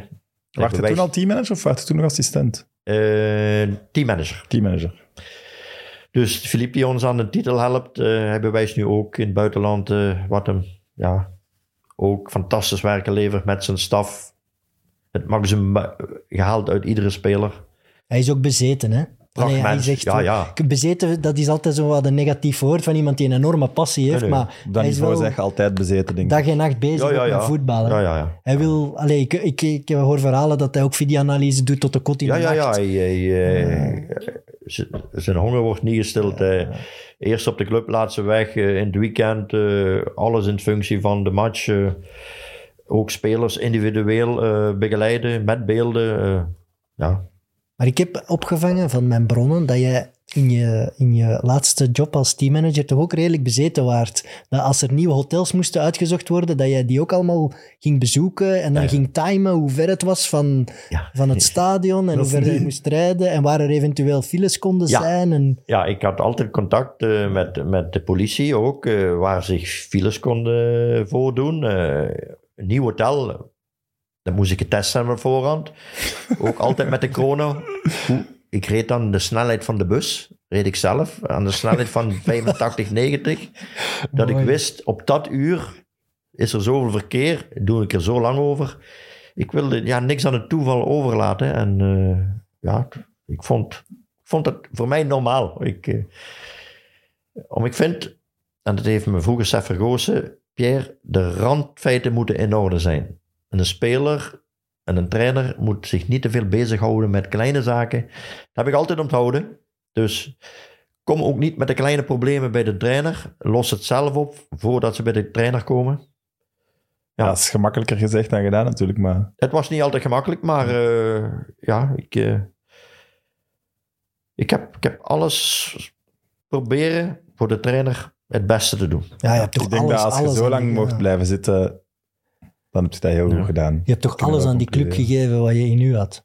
Ja, ik heb Allee, je had heel veel. niks meer kunnen doen dan dat je gedaan hebt. Ik heb. eh, Elke seconde bijna van je, van je Ja, dag van je leven heb je toch aan Racing Genk gegeven. En aan winterslag natuurlijk. Ik heb heel veel mooie dingen mogen beleven door heel hard te werken. Ja. En eh, ik wil misschien ook eindigen met, het is niet allemaal mooi. Ik heb twee momentjes, eh, slechte momenten gehad. En dat was in het begin van mijn carrière, waren we in Spa op trainingskamp. We mochten een keer van Robert Wassage naar Spa Centrum. Een paar uurtjes voor een beetje ontspanning. Onze afgevaardigde, die ging onze portefeuilles halen op zijn kamer. Want hij hield onze portefeuilles bij. We lagen in heel bescheiden chaletjes in de bos. Die bleef maar achter. Dan zijn we gaan zoeken. En op een gegeven moment hebben we hem gevonden met eh, een hartstilstand. Eh, onze afgevaardigde was overleden tussen ons op Amai. trainingskamp. eh, ja. En dan heb ik nog een minder moment op de reservematch van Genk-Lokeren. Ja, Gregory Mertens, die een hartstilstand krijgt op daar was jij ook bij. We hebben er nog Ja. alles aan gedaan voor hem te reanimeren. Ook het AED-toestel. Domenico Olivieri is nog naar binnen gelopen voor het toestel te halen. Heel lang hartmassage. En dan is hem toch eh, enkele dagen later overleden. Dat zijn twee zaken die mij eh, ja, heel lang zijn bijgebleven. Ja, die het voetbal wat overstijgen. moet zijn voor Ja. eh, degenen die achterblijven. Ja. Ja, want ik had ook gelezen dat je eigenlijk op je 16 bent moeten gaan werken. Omdat je ja, aan de 14 al gestopt met school, omdat je moeder ook al ziek Ja. was. Dus dat is toch ook een zware... ik ben niet lang naar school gegaan en- Van 14 tot 16 jaar heb ik, eh, ben ik thuis gebleven. We waren met zeven kinderen. Ik was de jongste van zeven. En dan heb ik ook het koken geleerd, omdat eh, mijn ma was hartpatiënt. Eh, en dan heb ik ook leren poetsen. En dan later ben ik vrij snel naar de fabriek gegaan. Ik heb niet lang gestudeerd, maar ik heb dan toch proberen op een andere manier alles uit mijn carrière te halen. Door nog harder te werken. Ik heb wat dingen gemist door te weinig studies. Ja, maar dat heb je wel mijn goed gemaakt met Harder werken dan een ander heb ja. ik dat proberen compenseren. Ja. Ik denk dat dat gelukt is. Ik denk dat we dat wel mogen zeggen. Maar wat mij ook eh, ja, meest plezier doet, ik ben op handen gedragen door de fans als voetballer, als assistent, nu nog altijd. En dat ik deze eh, job heb gekregen, hè, nu met oud-spelers, oud-trainers. Goodwill Ambassador. Ja, Dat is toch, klinkt wel goed. Ze hebben een titel uitgevonden voor u. Dat zegt alles over de grootsheid, toch? Ja, en ik heb van de fans gehoord dat ze heel graag een standbeeld voor u willen. Dat ze dat echt menen. Dus dat, dat gaat er wel komen, denk ik. Als de fans dat willen, dan komt het er. Hè? ja eh, dan denk ik, maak maar een houten zo, Seffer Goosen zeggen, dan kunnen ze het opbranden. dat waren de woorden van Sef. Ja? Ja.